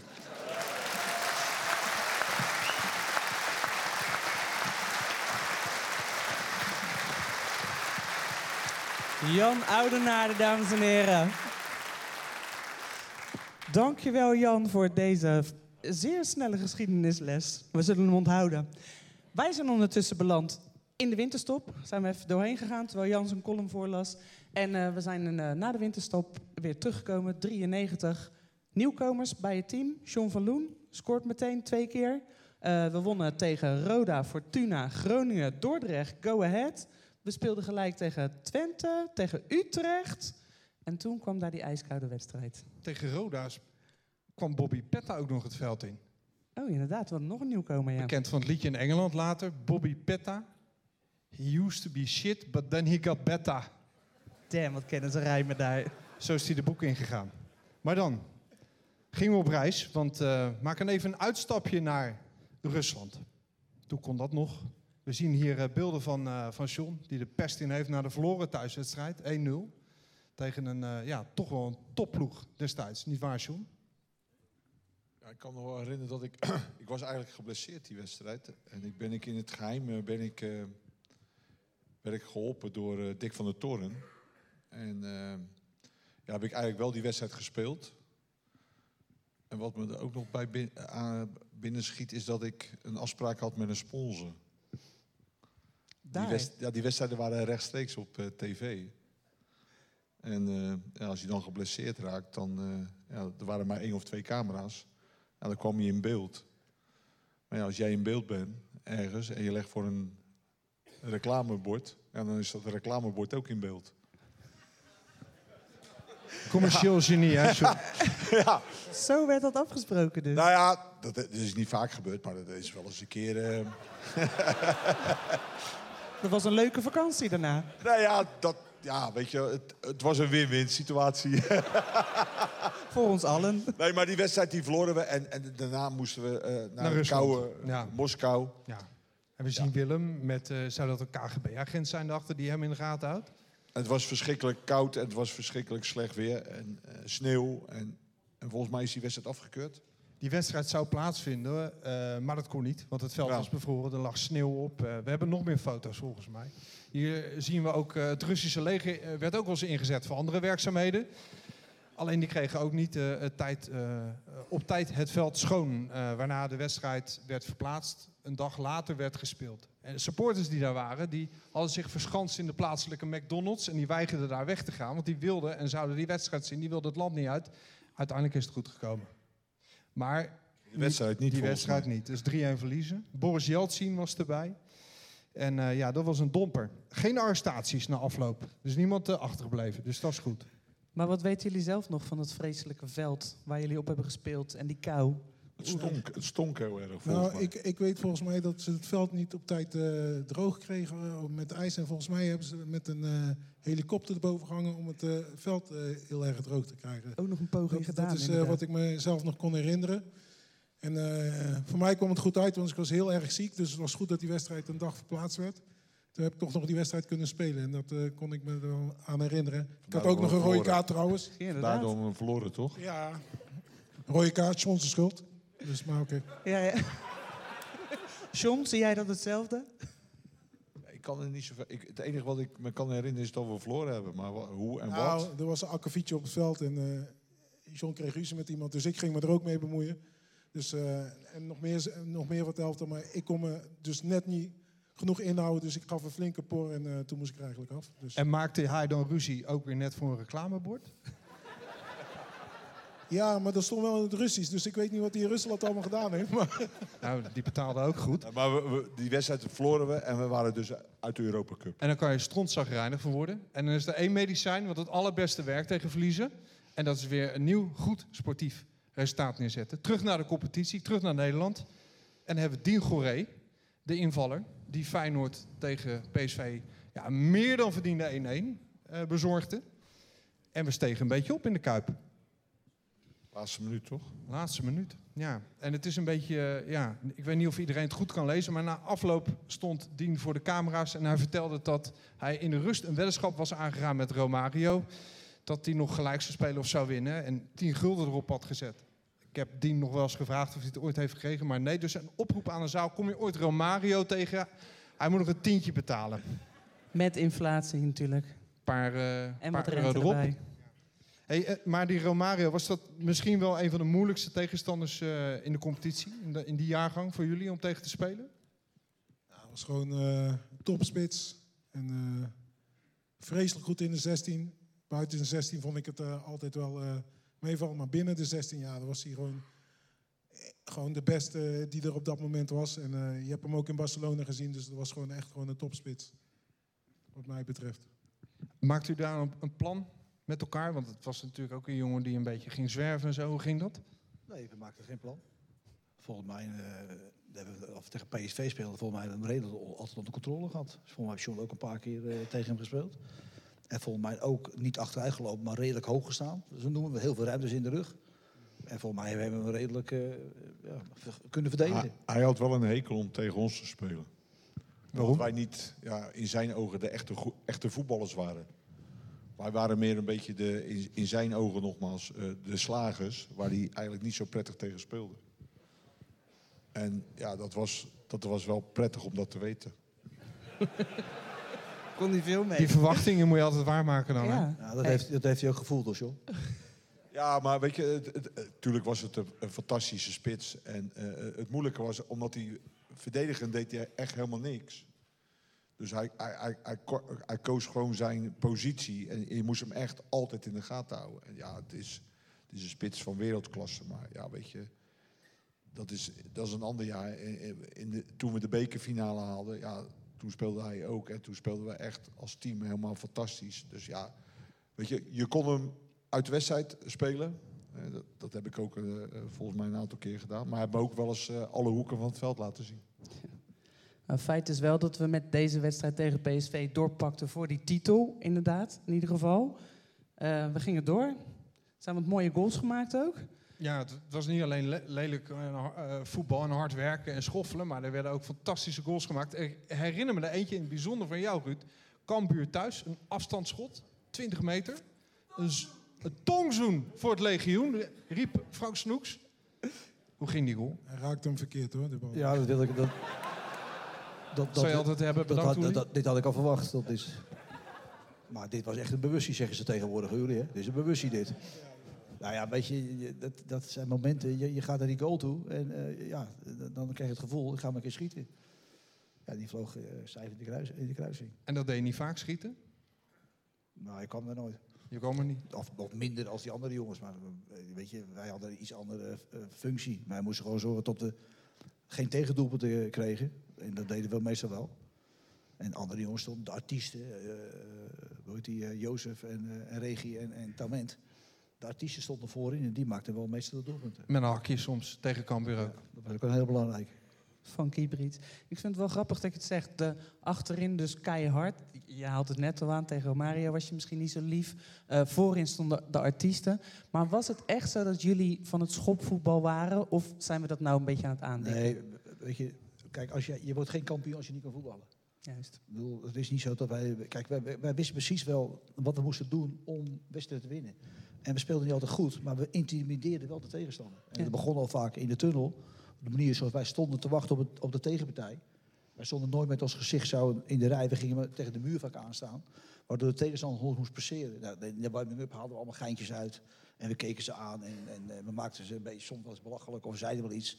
Het spel begon al eh, eh, voor de wedstrijd. In die tunnel. In de tunnel. En Ja. dan de eerste beste cornerbal. Dan, dan ging John mee naar voren. Ja, dan wist ik gewoon van, nou, er komt de cornerbal. En meestal raakte hij er wel één of twee. Dan bleef er eentje liggen. En, en, en zo ging het maar door. En we beukten, we beukten alleen maar op en in. Nou, zo, en, maar, maar dat deden we. Maar het was niet zo dat we, dat we alleen maar dat deden. We konden natuurlijk ook wel aardig voetbal. Anders word je nooit geen kampioen. Henk Vrezen die, eh, die schopt ook nog wel eens iemand ondersteboven. Maar uiteindelijk heb jij de meeste gele kaarten gepakt. En ook was een rode. Terwijl Henk schopte. Is dat echt zo? Ja, tegen Lucerne. Ja. Ja, toen kreeg ik rood, terwijl eh, Henk het eh, had gedaan. Henk had het gedaan. Ja, weet je, kijk, wij waren maatjes in het veld en ik, ik van, vond van mezelf, ik had nog wel de kwaliteit om soms te wachten. Kijk, Henk, die, daar sloeg het nog wel eens een klein beetje door. hè. En dan eh, die, ging, die ging gelijk alle minuten revanche halen. Kijk, ik had nog wel het geduld. Kwam het niet in die wedstrijd, kwam het wel eventueel een paar weken later of een paar maanden later. Als we weer tegen elkaar speelden. En in die wedstrijd tegen Luzern. ehm, ja, werd ik geschorst. Alleen Henk heb daarna wel zijn verhaal gedaan tot ik wel mee mocht spelen. En ja, in, in, die, in die wedstrijd kreeg ik ook een, eh, een, een, een flinke eh ellepijp, eh, elleboog. Zomaar uit het niets van die spits. En ehm, ja, twee weken later, eh, het duurde toen twee weken voordat je de return had. En, en, die zondag daarvoor had die jongen had, had zijn neus gebroken eh, in Zwitserland. En ehm, alleen een, eh, een, een, een, een goede kennis die was in Zwitserland om volgens mij bij eh, René van Eck een wedstrijd te bekijken. En, en daar gebeurde het. En die belde mij zondag s'avonds op en die zei: Joh, Wolfie, jouw grote vriend die heeft eh, zijn neus gebroken. Kijk maar wat je ermee doet. Voorkennis. Ja, dat zijn de adviezen. Nee, maar weet je, en, ja. En dan kom je die, dan ga je die spelerstunnel, dan ga je warming-up doen en dan ga je terug. Nou, en dan weet je, hè, dan eh, ga je in de tunnel staan. En eh, ik stond voorop. En, eh, en dan gaat, het, gaat die tunnel open, dan gaat die scheids naar het veld op. Maar ik had al gekeken, hij stond achterin. Dus eh, ik, ik, ik stond voor in die tunnel en eh, nou, iedereen gaat lopen. Dus ik doe twee passen naar achteren en ik laat iedereen vooruit lopen. Ja, toen ging ik naar mijn grote vriend toe. Dus ik zeg, eh, nou, prettige wedstrijd. Dus ik zag aan hem van, nou, toch wel een aardige gozer. Maar op het moment dat ik mijn hand losliet, pakte ik hem bij zijn neus. En ik haalde zijn neus even heen en weer. En ik moet zeggen, ik heb hem in de 16 meter niet meer gezien.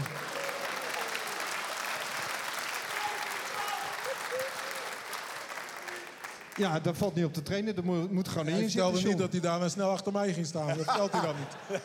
Maar, maar dat gebeurde gewoon, weet je. Dat, en dat is niet stoer doen of hoe of wat. Dat, dat in die tijd ging het gewoon zo. De- Er werden gewoon wedstrijden gewonnen in de tunnel. Dat je gewoon, ja, dan keken die, eh, die kleine jongetjes keek je aan. En dan, ja, dan... Stond je al 1-0 voor. We gaan even terug naar Henk Vrezer. Die neemt ons even mee. naar Jozef Ik heb, ik heb zelf ondervonden, want ik heb ook tegen Kieprits gespeeld. Ehm, hij was zo slim en zo sterk dat als je een sprintduel ja, om de bal had, dan op het moment dat je in wil stappen of het moment dat je vlak naast hem bent, dan gaf hij even een tikje. Dus dan moest je weer hè, opnieuw eh, aanzetten of, eh, of je was uit balans. Dat was zijn kwaliteit. Een super, super eh, slimme vent, moet ik eerlijk zeggen. En, en, en sterk. Heel sterk in zijn armen. Zijn bovenlichaam was echt bijzonder sterk. En ik moet wel zeggen, ik heb Jozef wel een keer opgebeld. Toen hij weer in, in Hongarije was, bij MTK denk ik. En toen heb ik in het Hongaars met hem gesproken. Ik had een paar woorden Hongaars geleerd. Met name vloeken en schelden, uitschelden, dat is denk ik logisch. En in eerste instantie wist hij niet wie, het was. Dus eh, toen had ik hem wel even te pakken, ja, want hij is terug iets minder slim als dat ik dacht. Eh, ik weet niet of John nog zat, maar John Metgold was de meest, in die periode de meest fantastische aanvoerder. Wolf nam het over. Maar eh, John was voor mij de meest fantastische aanvoerder. De meest eh, gewaardeerde, gewaardeerde speler. Hè. Als je kijkt naar, zijn, als je kijkt naar, zijn, eh, zijn, de clubs waar hij gespeeld heeft. Die had bij ons, zeker bij mij, heel veel, eh, heel veel aanzien. Ehm, maar was ook eh, een, een, een geliefd object voor voetbalhumor. Ehm John, was, John is een, een, een, zuinige man, een nette man. Maar die kwam vaak met van die boxershorts met van die stripfiguren. En ik ga geen namen noemen, maar hij kwam een keer op een dag met allemaal, een onderbroek met allemaal kikkers. En die worden eruit geknipt en in bad gegooid. Ja, dat soort zaken was John eh, een heel, eh, ja, wel een gewild object om, eh, om daarmee te dollen. Of zijn, sta- zijn auto vastgebonden aan het stadion met een, eh, dat soort zaken. En dan moet, gaat hij vol in zijn achteruit. Ja, daar was John wel, eh, wel uitermate geschikt voor. Jullie jongens, hé. Wat voor stripfiguren stonden, die, eh, stonden er op die boksen van, eh van John? Oelie weet het beter, want Oelie was altijd degene die me met de schaar deed.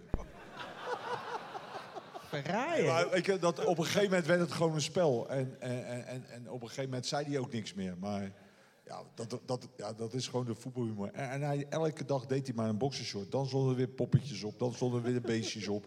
En wij elke keer maar knippen, knippen, knippen, knippen. En dan zaten we allemaal net zo lang te wachten tot hij weer die, die onderbroek aandeed. En dan, ja. En op een gegeven moment zei hij ook niks meer. Weet je wel? Dus het was ook niet meer leuk. En toen zijn zijn we er ook mee gestopt. Na, na twintig onderbroeken, denk ik. Ja, met, met Peter Bos was het ook mooi. Peter Bos die woonde in, in Barendrecht. En die kwam elke op de fiets kwam hij, eh, kwam hij naar de Kuip toe. En wij dachten, goh, wat een uitslag over die gozer. Zeg. Elke met zijn fiets op Barendrecht, een beetje stoer lopen doen en die trainen. Ze hebben een aantal spelers hebben zijn hele fiets uit elkaar gehaald, zijn wiel- zijn wielrennersfiets. En op het dak van de Kuip kon, je allemaal, zijn wiel en zijn ketting. En toen hadden we tegen elkaar gezegd, ah, zitten we wel weer in elkaar. En wij konden die fiets niet in elkaar krijgen. En toen, was hij boos, was hij, ging hij naar de fiets maken, moet zijn fiets gemaakt worden. En zo is dat, eh, zulke humor, dat ging constant ging dat door. Ik weet nog dat jij een keer alle kleding van de spelers, ja John, jij. Door je, Leuk man. Kijk maar weg. wij, hadden het nog wat voor elkaar. Wij hadden op dinsdag hadden we altijd een looptrainer, Bram Pannenkoek. En als we ergens hekel hadden, was het lopen zonder bal. En Bram Pannenkoek was een atletiektrainer. En dan moest je, kreeg je een band om je heen, werd je weggeschoten. En ik zat dat te doen en ik kreeg een beetje pijn in mijn rug. En ik ga naar Willem toe. Zei, Willem, ik, zeg, ik heb last van mijn rug. Hij zegt, jij bent naar binnen toe. Nou, drie minuten later, had ook last van zijn rug. John ook naar binnen. Tot z'n twee hebben alle kleding van de jongens hebben in het bad gegooid. De hele stapel van de hele kleedkamer door. Dus die gasten komen die kleedkamer binnen. Die hadden, die hadden gedoucht, die wilden zich aankleden. Nou, al die kleding moesten ze uit gaan zoeken. Sok, eh, echt, eh, sleutels verwisselen van, van, alle, van alle Opels. Hadden allemaal Opels. En sleutels allemaal verwisseld. Eh, Dus, dus het was, het was, Zo word je vrienden, toch? nou, ik zou je één ding doen. Ik één ding zeggen. Je kon nooit je eten laten staan. Dat was de les 1 bij Feyenoord. Laat je eten niet staan. Want ze flikkerden er alles in. Zout, peper. Ik had, ik had, een, ik had een toilettas had ik. En die zat er vol. En op een gegeven moment kom ik een keer thuis. Vork zat erin, een mes zat erin, lepel zat erin, vermicelli zat erin. Alles zat erin. Behalve Dat de elke gel. dag zo. En als jij een gele trui aan had, weet je wat ze dan deden? Gingen ze fluiten. Kanadi, kanadi, kanadi. Je moest geen gele kleding aan doen. Hey jongens, jullie zitten allemaal nog in het voetbal. Kan dit nog, deze humor? Of zijn we allemaal tere zieltjes geworden? John, denk ik. Oelie. Allemaal jonge spelers om je heen. Nee, ja, er zal ongetwijfeld wel gebeuren in die kleedkamer, weet je. Eh, maar ja, wat, wat wij meegemaakt hebben, eh, Nee, ik denk dat de jongens in deze tijd, dat, dat, dat, ja, dat het heel anders aan toe gaat in die kleedkamer. Ik moet zeggen, ik ben niet zo vaak in de kleedkamer eh, door de weeks. Ja, eh, met de wedstrijd, maar ja, weet je wel. En dat is niet alleen bij ons, maar dat is over het algemeen, denk ik. En dat is, ik bedoel het niet eh, nadelig, maar na een wedstrijd is het, eh, ja, denk ik, wat iedereen vindt, ook van zijn kinderen en, en, en noem maar op. Of, eh, en ook zelf. Het eerste wat je gaat doen is op je telefoon kijken. Dus er is geen tijd meer voor die humor. Nee, ik Ja, herken er ongetwa- die gasten hebben ongetwijfeld humor met elkaar. Absoluut, daar ben ik echt wel van overtuigd. Alleen, ja, weet je wel, tot hoe ver ga je? Weet je, en, en, en Ruud gaf net een paar voorbeelden. En, en, en wij gingen gewoon heel erg ver. En, en zeker als je een keer zelf gepakt werd, ja, dan had je dat. Dan kwam er gif naar buiten of naar, naar, naar boven. En, ja, en dan, dan wilde je wraak nemen. Eh, Ik, misschien moeten we dadelijk daarmee eindigen met, eh, met de regie blinken. Ik wou het niet zeggen, John. Ja, Ga je het vertellen? nou ja, ja, dat kan wel zo. Nou, ik, heb, ik heb hem al zo vaak gezegd. Ik heb ook eh, in het theater met de rebellen gestaan, weet je wel. Maar oké, regie, oudejaarsavond, uh, oudejaarsavond.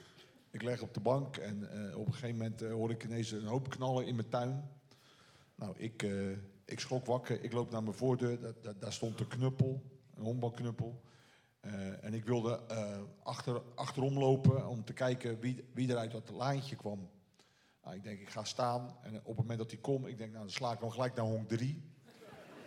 Maar net zoals in het veld, ik was weer te laat. En ik zag een eh, Opel GSI'tje wegrijden, een, een witte. De, wat kleinere jongens reden in een GSI'tje. Wij reden iets eh, grotere Opels, eh, Ruud. Hè? Maar ik, ik, ik onthield het, kenteken. En een paar dagen later moesten we weer trainen. Dus ik zo snel mogelijk gedoucht in mijn auto gaan zitten. En wachten of degene die daarin ging stappen. Nou en dan kwam die. Regie blinken. Dus ben ik naar hem toegestapt. Ik, eh, ik zeg, joh, Regie, het kan een dag duren, kan een week duren, kan een maand duren, kan een jaar duren. Maar eens ben je van mij. Ah, en lachen. En, eh, nou, heel lang verhaal kort te maken. Een paar maanden later, ik had een plan gemaakt. Samen met mijn maatje, met Vrezen en een gezamenlijke vriend. Want die moest mee, want anders zou hij onze stem eh, herkennen. We hadden oude trainingspakken, we hadden bivakmutsen, we hadden een pistool en we hadden een honkbalknuppel. En wat zouden we gaan doen? We zouden Regie gaan overvallen in zijn eigen huis. Humor, jongens. Dus wij rijden naar, naar Gouda en onder, onderweg kregen Vrees en ik die kregen gewoon ruzie wie, wie hem de eerste klap zou gaan geven. We hadden een vuilniszak bij ons, we zouden hem over het hoofd, we zouden hem een klap geven. Maar ja, we komen daar op het pleintje en ehm, ja, we komen aan en heel het huis donker. Regie was er niet. Maar Paul Noortan speelde ook bij ons eh, in de selectie. Die woonde ook op het pleintje, dus daar gingen we naar binnen. En eh, ja, hé, wat is dat? Maar ze bleken naar een verjaardag te zijn.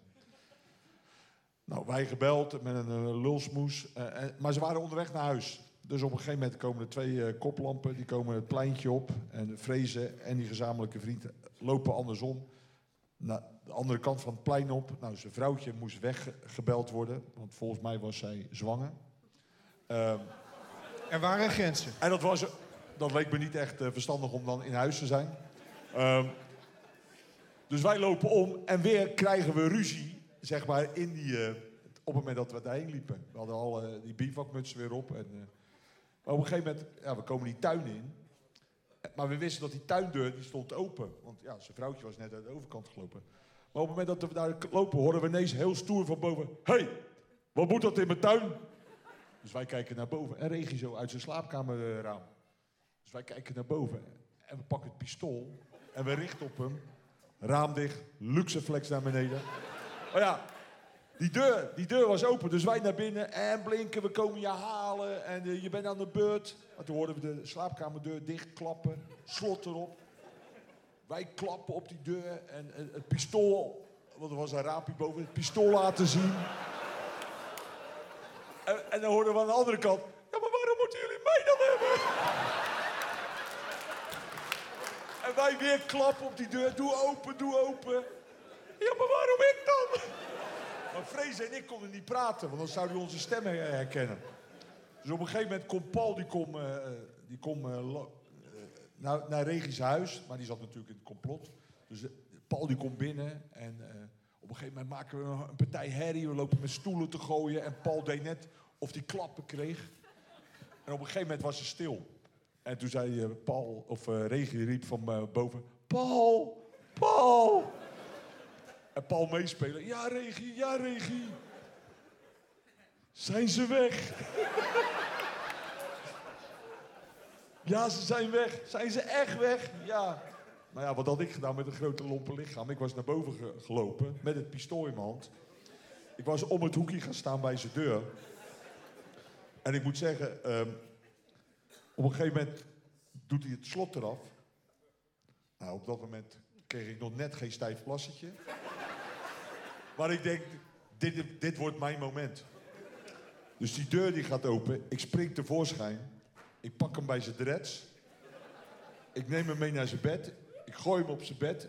Ik spring op hem. Ik pak het pistool en ik zet hem zo op zijn voorhoofd. Het enige wat ik hoorde was...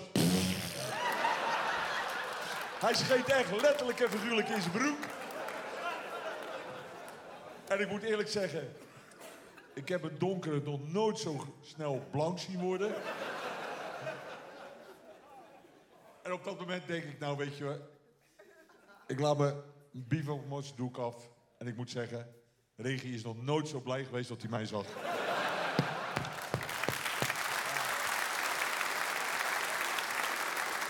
En achteraf zijn we misschien wel een klein beetje te ver gegaan. Nou, Ja, het is verdiend. ja, ik ga geen bruggetje slaan. Ik ga hem aankondigen. Jeroen Koot, onze vaste columnist. Nee. Daar komt hij, jongens. De schrijver van het boek Hoop is uitgesteld teleurstelling. Jarenlang vaste columnist bij Hand in Hand. Geef hem een hartelijk applaus. Jeroen Koot.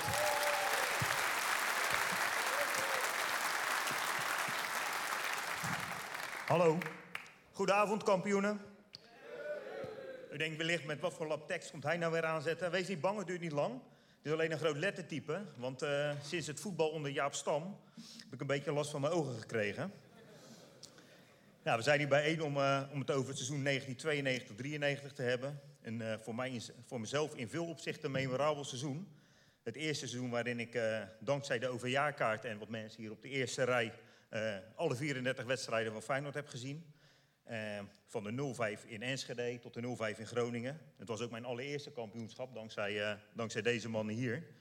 En daar ga ik het nu over hebben, want het is namelijk ook de eerste en de enige keer dat ik wat woorden heb gewisseld met de trainer van Feyenoord. In november 1992 speelden Cambuur Leeuwarden en Feyenoord voor het eerst tegen elkaar in competitieverband. En net zoals alle wedstrijden daarvoor en daarna in dat seizoen wilden wij erbij zijn.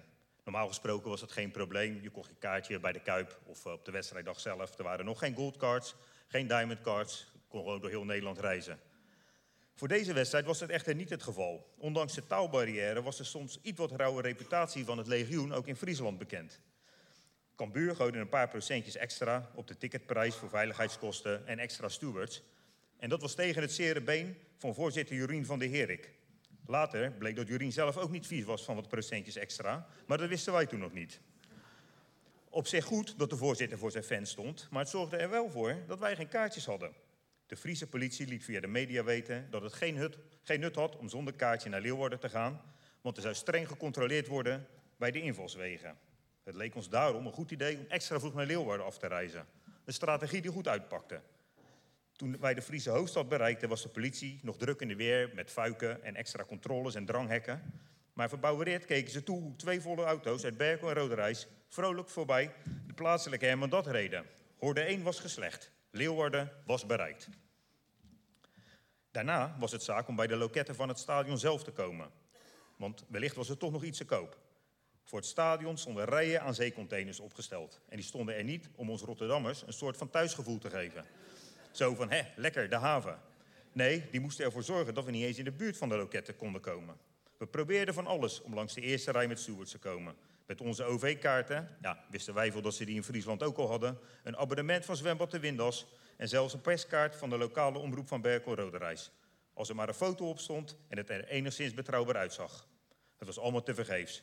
Dit zou een wedstrijd gaan worden die we niet zouden meemaken. Toen er echter een wagen van de NOS langskwam, zag ik mijn kans schoon. Achter op het busje stond een ladder waarmee je op het dak van het busje kon komen om de straalzenders richting Hilversum te richten, waar op dat moment Tom Egberts en zijn stagiaire bezig waren. Eh, bezig waren met het voorbereid- voorbereiden van de uitzending. Sorry. Ik, ik klom een paar treden op de ladder en reed zo langs de containers het stadion binnen. Mijn list had wel wat weg van het paard van Troje, maar dat duurde in werkelijkheid slechts een meter of drie. Een lid van de ME gaf me letterlijk een tik op de vingers, waardoor ik de ladder wel los moest laten. Met wat zachte dwang duwde de politie me uit de uitgang en uit- op dat moment kwam net de spelersbus aan, waar de spelers van Feyenoord gestoken in de karakteristieke zwarte Adidas trainingsprakken met wit, rood en groene streep uit de bus stapten. Voorop liep de kromme, donkere krullen boven donkere wenkbrauwen en een sigaret in zijn mond. Het was het enige moment in mijn leven dat ik een trainer van Feyenoord aandurfde te spreken. Willem, Willem, heb jij soms nog kaarten?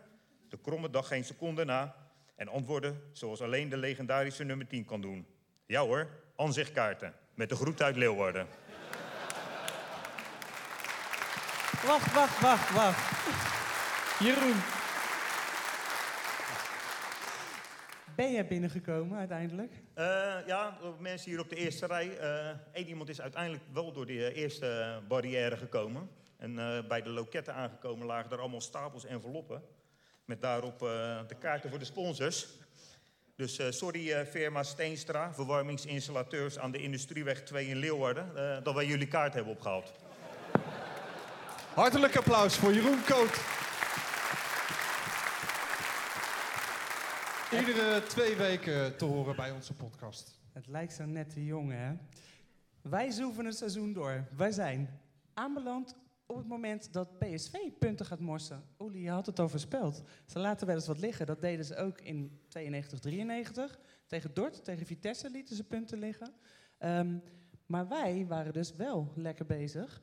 Eh, want wij stoomden ondertussendoor. Het was druk in de Kuip in die tijd. 27.000 mensen vonden we veel toen. Ehm, en we kwamen op pole position. Er waren nog twee belangrijke sleutelwedstrijden die we moesten spelen om dat felbegeerde kampioenschap binnen te halen. Uit bij Groningen in het Oosterpark. Maar eerst naar MVV Maastricht. Daar hadden we eerder van verloren, 3-4.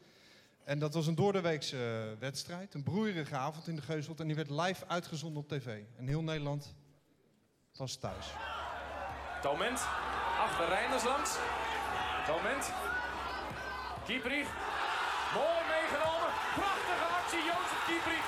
Een wereldgoal. De 17e. Voor de fans. Ja, Oeli, die slalomgoal van Jozef. Het zag er allemaal houterig uit, maar als het erop aankwam was hij helemaal niet zo houterig. Dit was gewoon een, eh een Romariootje, hè? dus eh, dit is gewoon geweldig natuurlijk. Gaston legt hem nog even terug. Zitten we toch over voetbal te kletsen hebben. Ja, het mag. Vandaag mag het. Kijk hem gaan, joh, die tovenaar. Hartstikke. Hey, maar Oeli, bijna was dit anders gelopen. Want eerder in die wedstrijd moest je aan de noodrem trekken. Toen Erik Meijer vandoor ging op Ed. Toen kreeg je bijna een rode kaart. Ja, een- geluk of een geluk bij een ongeluk of eh, net andersom. Hè? Maar eh, ik kreeg gelukkig de gele kaart. En eh, ja, iedereen weet hoe het verder afliep. Dat de pingel op de paal geschoten werd en dat hij er niet in ging. En ik denk dat dat wel het moment, echt het moment voor ons was. dat we zeker wisten dat we ja, de titel gingen halen, denk ik. Dat je Dat hem was ging de belangrijkste pakken. wedstrijd, denk ik, eh, van het seizoen, deze wedstrijd. Ik vind hem wel interessant, want als ik aan jou denk, Oeli, sorry, ik zeg altijd Oeli, automatisch, Ulrich. Als ik aan jou denk, denk ik altijd aan snelheid. Dat is waar je altijd om bekend staat. Maar ik ga het even vragen aan de man hier. Was die echt zo snel? Ja, Uri was eh volgens mij een van de snelste spelers in de Eredivisie. En daardoor kon hij natuurlijk heel goed eh, heel veel corri- corrigeren. En, eh, ja, en, en dat, dat lichaam van hem erbij. Dat is natuurlijk een geweldig fysiek. Dus dat is precies een speler die, eh, die bij ons eh, de- de- de paste. Sne- sneller nog dan Nelly Koman, eh Oeli. Dan heb je nog een keer een wedstrijdje tegen hard gelopen. Op een atletiekbaan. Ja, ik denk dat het verhaal heel bekend is. En eh, ik heb er verslagen op de 60 meter. En eh, ja, het is prima. Het was uiteindelijk eh, niet tegen een kerel. Maar eh, ja, uiteindelijk ga- gaat het eh, om het spelletje, hè, voetballen. En eh, je moet ook het spel kunnen lezen. En het is niet alleen maar hardlopen. En natuurlijk eh, is, was dat de kracht voor mij. Natuurlijk in samenhang hè, met Ruud en met John en met Henk... maakten wij gewoon een hele hechte verdediging. En Ja, ik denk dat we een van de beste verdedigingen van Nederland hadden. Dat durf ik nu wel te zeggen. En jij werd niet snel na dit seizoen werd je ook international. Je ging naar een WK, je ging naar Engeland, Turkije. Teruggekeerd bij Feyenoord. Hoe, kijk je terug op je carrière? Nou Ja, soms eh, als je het over al dat soort dingen hebt, dan is dat eh, heel mooi. Hè? Alleen ik heb er zelf eigenlijk eh, niet een einde aan kunnen maken, zeg maar, om te stoppen met voetbal. Ik ben noodgedwongen, moest ik stoppen. Ja, en dat wou je eigenlijk wel anders, had ik eigenlijk wel anders willen zien, maar ja, helaas. Maar dat neemt niet weg dat ik een hele mooie carrière heb gehad. En de waardering die je vanavond hebt gevoeld.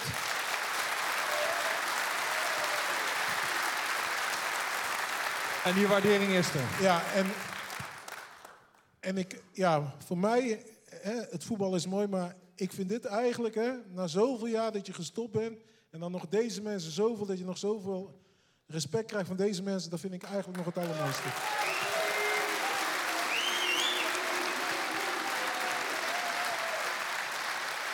En dan, en dan, ja, de kampioenswedstrijd in Groningen. Ja, we, we zoeven door naar die laatste wedstrijd inderdaad.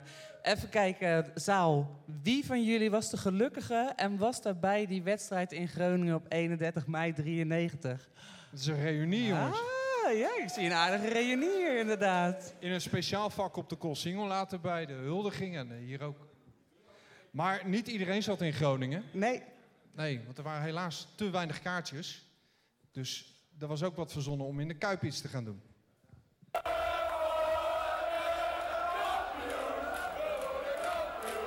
De supporters wisten het zeker.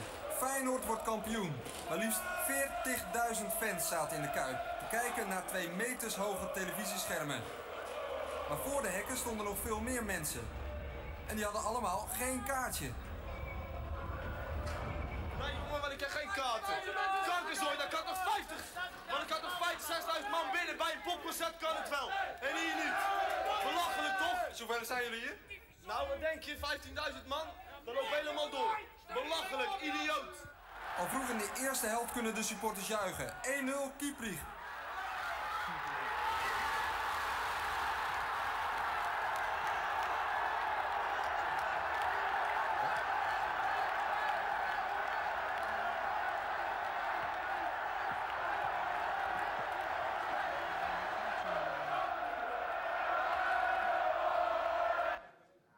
Tja, bizarre beelden. En ja, ik heb voor deze show nog even gebeld met Jos van der Vecht, destijds directeur. eh, en die moest daar iets gaan optuigen. Dat was eh, een experiment van de PTT. Die wilde laten zien dat ze de moderne techniek beheersten, net als Michael Biku.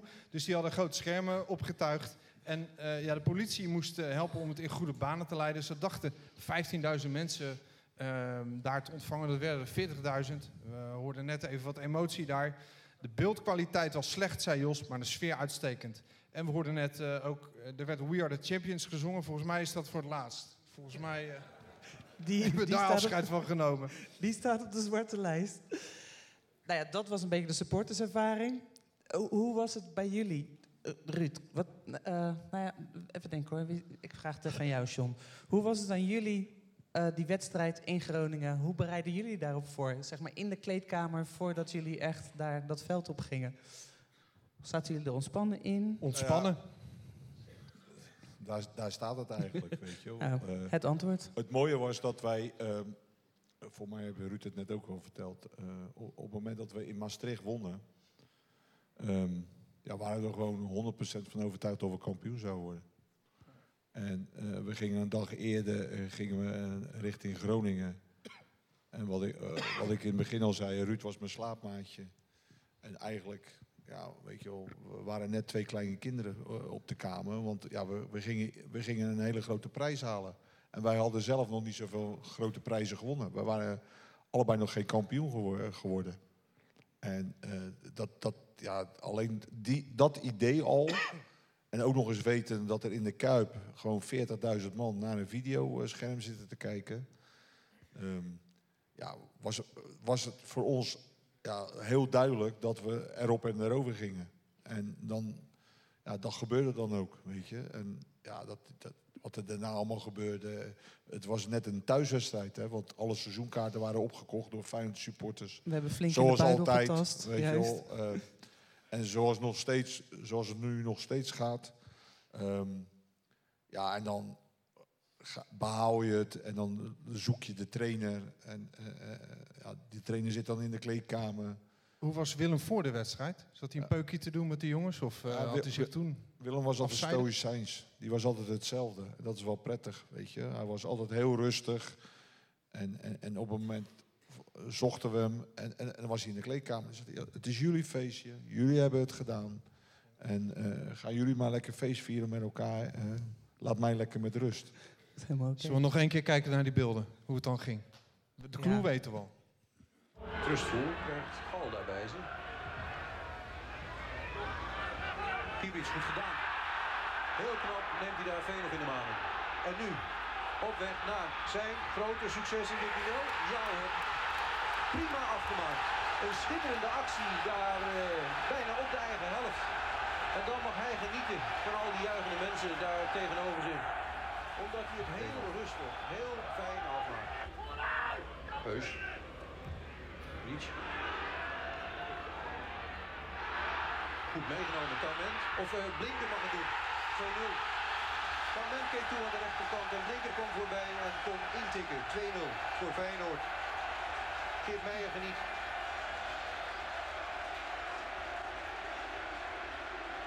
Blinker zorgt voor 2-0. Ook Volendam wordt nu bedankt door het publiek. En dat terwijl Scholten mag aanleggen en mag inschieten. En Feyenoord op 3-0 brengt. Kwartiertje voor het einde van de wedstrijd. Om alle twijfel nog maar eens weg te halen. Scholten helemaal vrij. Van Loen, die denkt ik heb er ook wel zin in.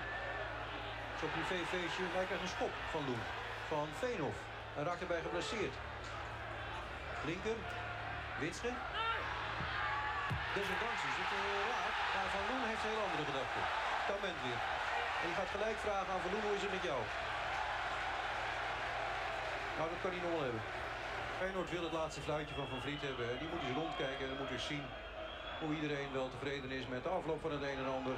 Dat heeft hij gezien, hij wil de bal hebben. Hij geeft de Feyenoord mensen de vreugde. Van Hanegem gaat alvast naar de kleedkamer. De spelers staan nog op het veld. Ja, nou zeg het maar. Is dat te gek? Dit is mooi toch dit?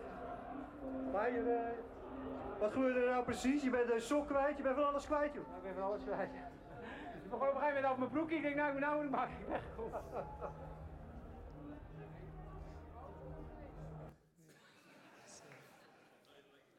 Dat waren lekkere beelden. En Willem was gelijk weg en jullie stonden te feesten. En Peter Bos stond te huilen. Want die speelde niet die laatste wedstrijd. Jij ook niet, Oeli? eh, ja, domper of boerde dat ook niet meer toen je die schaal in je handen had? Ja, als je die schaal in handen hebt, dan maakt het allemaal goed. Maar als je ziet dat je teamgenoten die wedstrijd afmaken en dan ga je een wedstrijd wordt, of die wedstrijd is niet de enige wedstrijd van het seizoen en er zijn veel meer mooiere wedstrijden gespeeld, maar dit was natuurlijk wel de mooiste. Ik had natuurlijk zelf wel mee willen doen, maar helaas was dat niet zo. Maar ik heb er niet minder door genoten hoor, echt niet. En de twee slaapmaatjes. Wat was jullie eerste reactie na dat laatste fluitsignaal? Ik ben gelijk eh, de kleedkamer ingegaan. Om, om even terug te trekken. Want het was best wel beladen allemaal. Ik zat ook met, eh, met Wim Jans en Wim van Arnhem heb ik toen in de kleedkamer gezeten. Jij was net zo snel voetsie als, eh, als Ja, Willem. Ja. En even, even dan mezelf tot rust komen. Want is dat, dat is natuurlijk wel een zootje adrenaline dat, eh, je door je... Zie je te lachen? Dit is Ruud altijd zo geweest. Ruud was een beetje, mensen, Ruud was een beetje mensenschuw. Bij sommigen wel.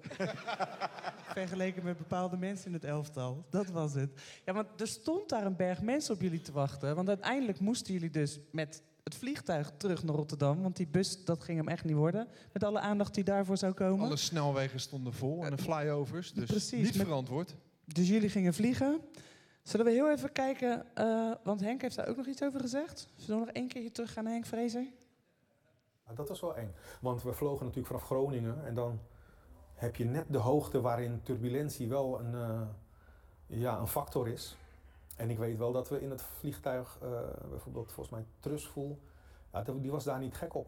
En die had gewoon, zeg maar, in zijn handpalmen had hij gewoon, ja, echt een, een, een poeletje met water, een plasje met water. En eh, ja, dat was, wel, wa- was grappig, maar ook zenuwachtig, omdat je, je zit natuurlijk wel zo te denken, we zullen toch niet neerstorten nadat we kampioen zijn geworden. En- maar eh, dat was wat we konden herinneren. De, de terugvlucht was wel pittig. Maar eenmaal aangekomen was het ook wel jammer dat we alle bussen die terugkwamen vanuit Groningen niet onderweg hebben meegemaakt. Want dat leek me ook fantastisch. Maar vanuit de lucht, we zijn nog over eh, Schiphol gevlogen. En de, de, de piloot maakte ook nog een, hoe zoiets, een fly, flyover of een eh, flyby. Over, eh, over, over Schiphol, dus dat was fantastisch. Ja, en in Rotterdam was, was te gek. Ik had, ja, we hadden natuurlijk de beker gewonnen daarvoor. Het eerste moment was ook fantastisch, maar het kampioenschap, ja, dat was wel echt, dat was wel echt een feest. Ja. Voor het massaal uitgerukte publiek. Met de kampioenschaal. Naast hem Ed de Goei. Achter Ruud Heus, John de Wolf, u kent ze natuurlijk allemaal.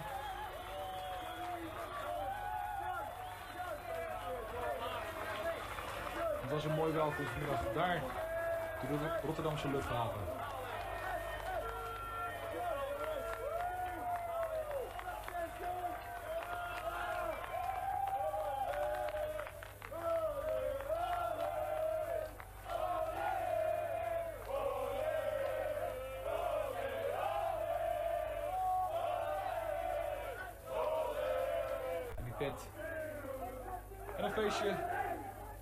Het zoveelste denk ik. Jongen, allereerst gefeliciteerd. Dit is een eh, heerlijke ontvangst in Rotterdam. Ja, dat kan je wel zeggen. Het is, eh, het is de snelste weg, hè. En eh, ja, ik denk dat ons nog wel wat te wachten staat vanavond. Kan ik er verzekeren alvast. Het is gigantisch druk op het Kalsingel. Woorden van de meeste spelers. En dan dit. Wat, wat gaan jullie doen, jongens? Wat gaan we doen? Een keer rijden. We gaan naar de koer. We rijden naar de koer. Wel, ben je zo bang voor vliegen geworden?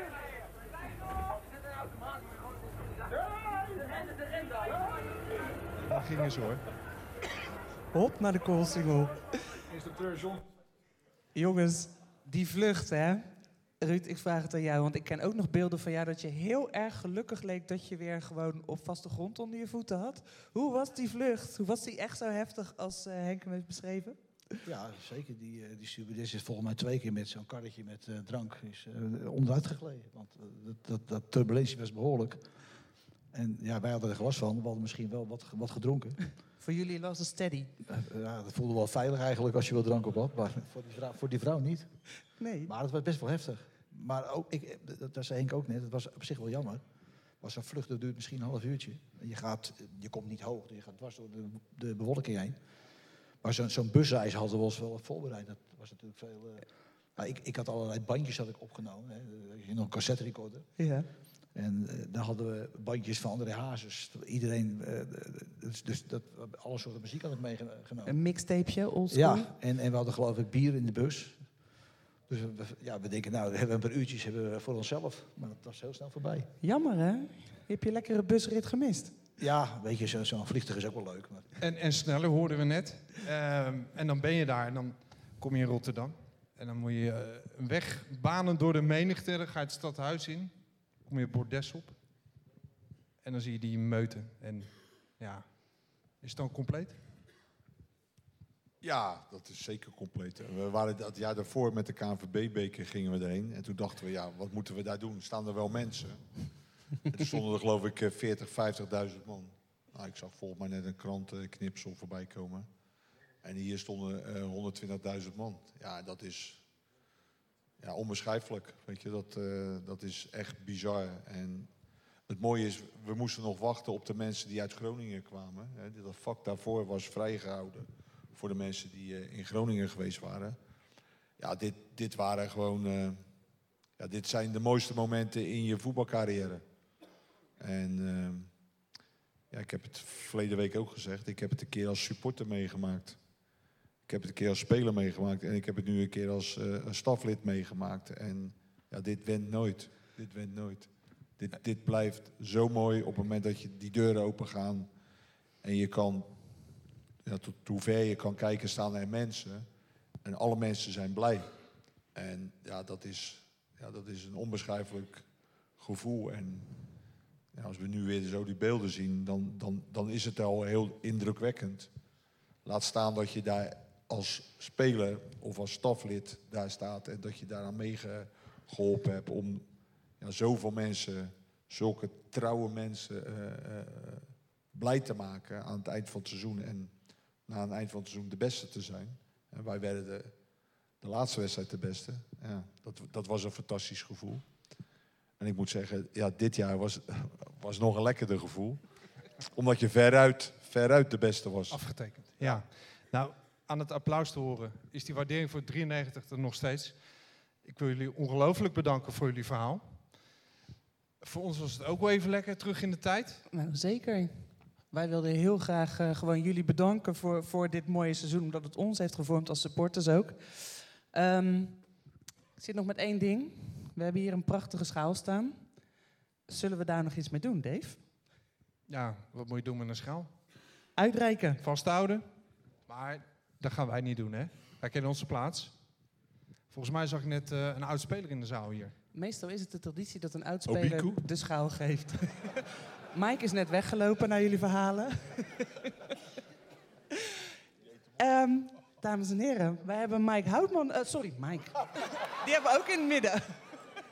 Dat is toevallig. We hebben Peter Houtman in ons midden. Ik stel voor dat we hem naar voren vragen.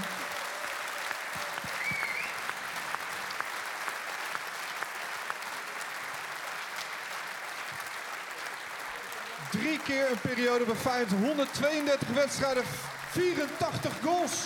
Pieter Houtman. Ja, staande ovatie.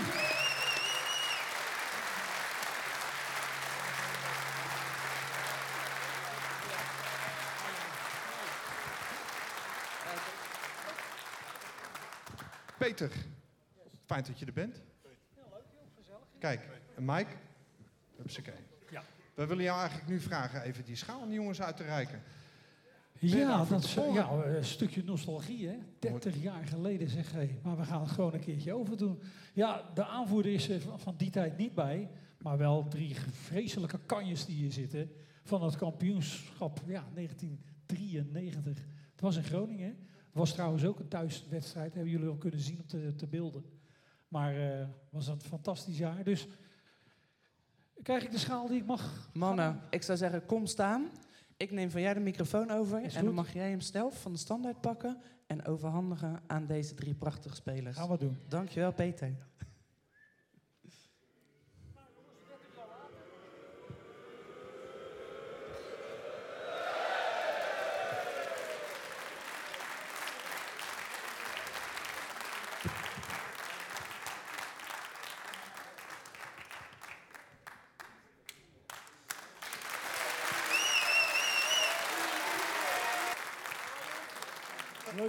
Dorp Zuid. Oh, oh, Peter, doe je Komen gewoon wij uit Rotterdam? Komen wij uit Rotterdam? Komen wij uit Rotterdam? Komen wij uit Rotterdam? Je geeft de man een microfoon en het gaat helemaal los. Dankjewel, Peter. Ja, dan loopt hier nog eentje rond met een microfoon. Kevin Stageline.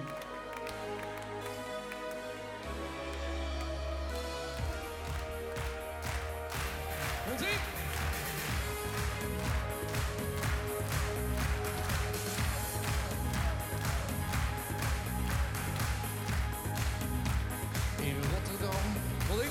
In Rotterdam is voetbal nu al jaren nummer 1. We zelen zeker zo'n 100 jaar. Moulijn, Kruijf en Krijemaat, de namen zijn beroemd. Van Hanegem en Jansen, wat een paar. Ons Feyenoord stond altijd meestal heel vaak bovenaan.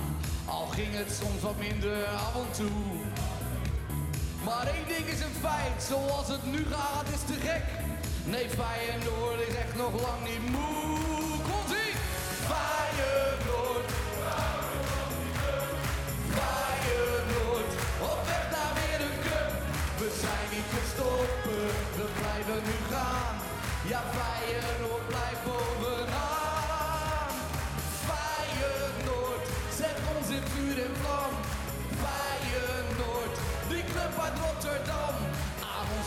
glorie, het bal is voorbij. De mensen staan weer in de rij. Oeh, ah, zee, oeh, ah, en de groei.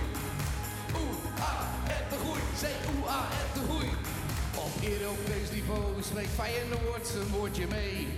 We zijn weer olifant in plaats van muis. Met Etje in het doel zijn we haast niet te verslaan. En Wimpy is gelukkig ook weer thuis. De Kuip is nu weer ouderwets gevuld tot aan de nok.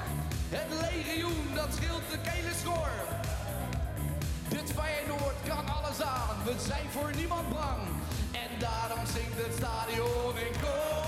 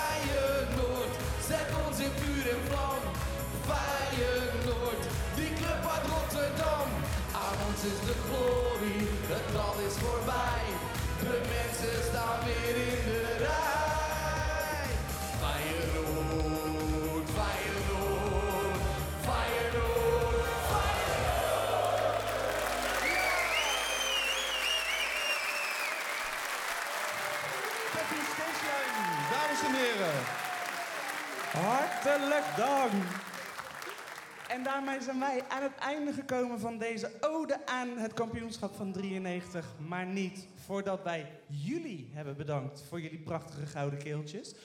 Onze gasten hebben bedankt. Een laatste applaus voor de gasten. Ulrich, Son en Ruud.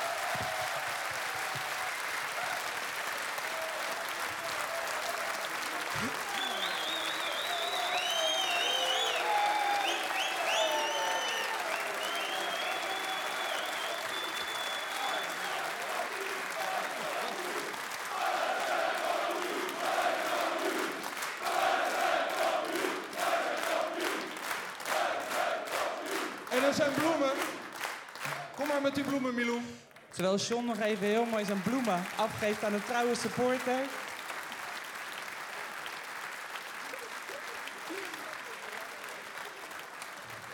Sluiten wij deze avond af op de enige manier waarop je deze avond kunt afsluiten. En Ja. daarvoor hebben wij natuurlijk de man op het podium staan. Dat kan er maar één zijn. Dat doet hij vaker. En daar heeft hij twee woorden voor nodig. En dan is het klaar. Oké. Nou, allereerst wens ik jullie nog een hele fijne avond toe. Hopelijk tot aanstaande zondag, want het, het is nog niet klaar. Ja toch? Oké. En voor nu, doei doei!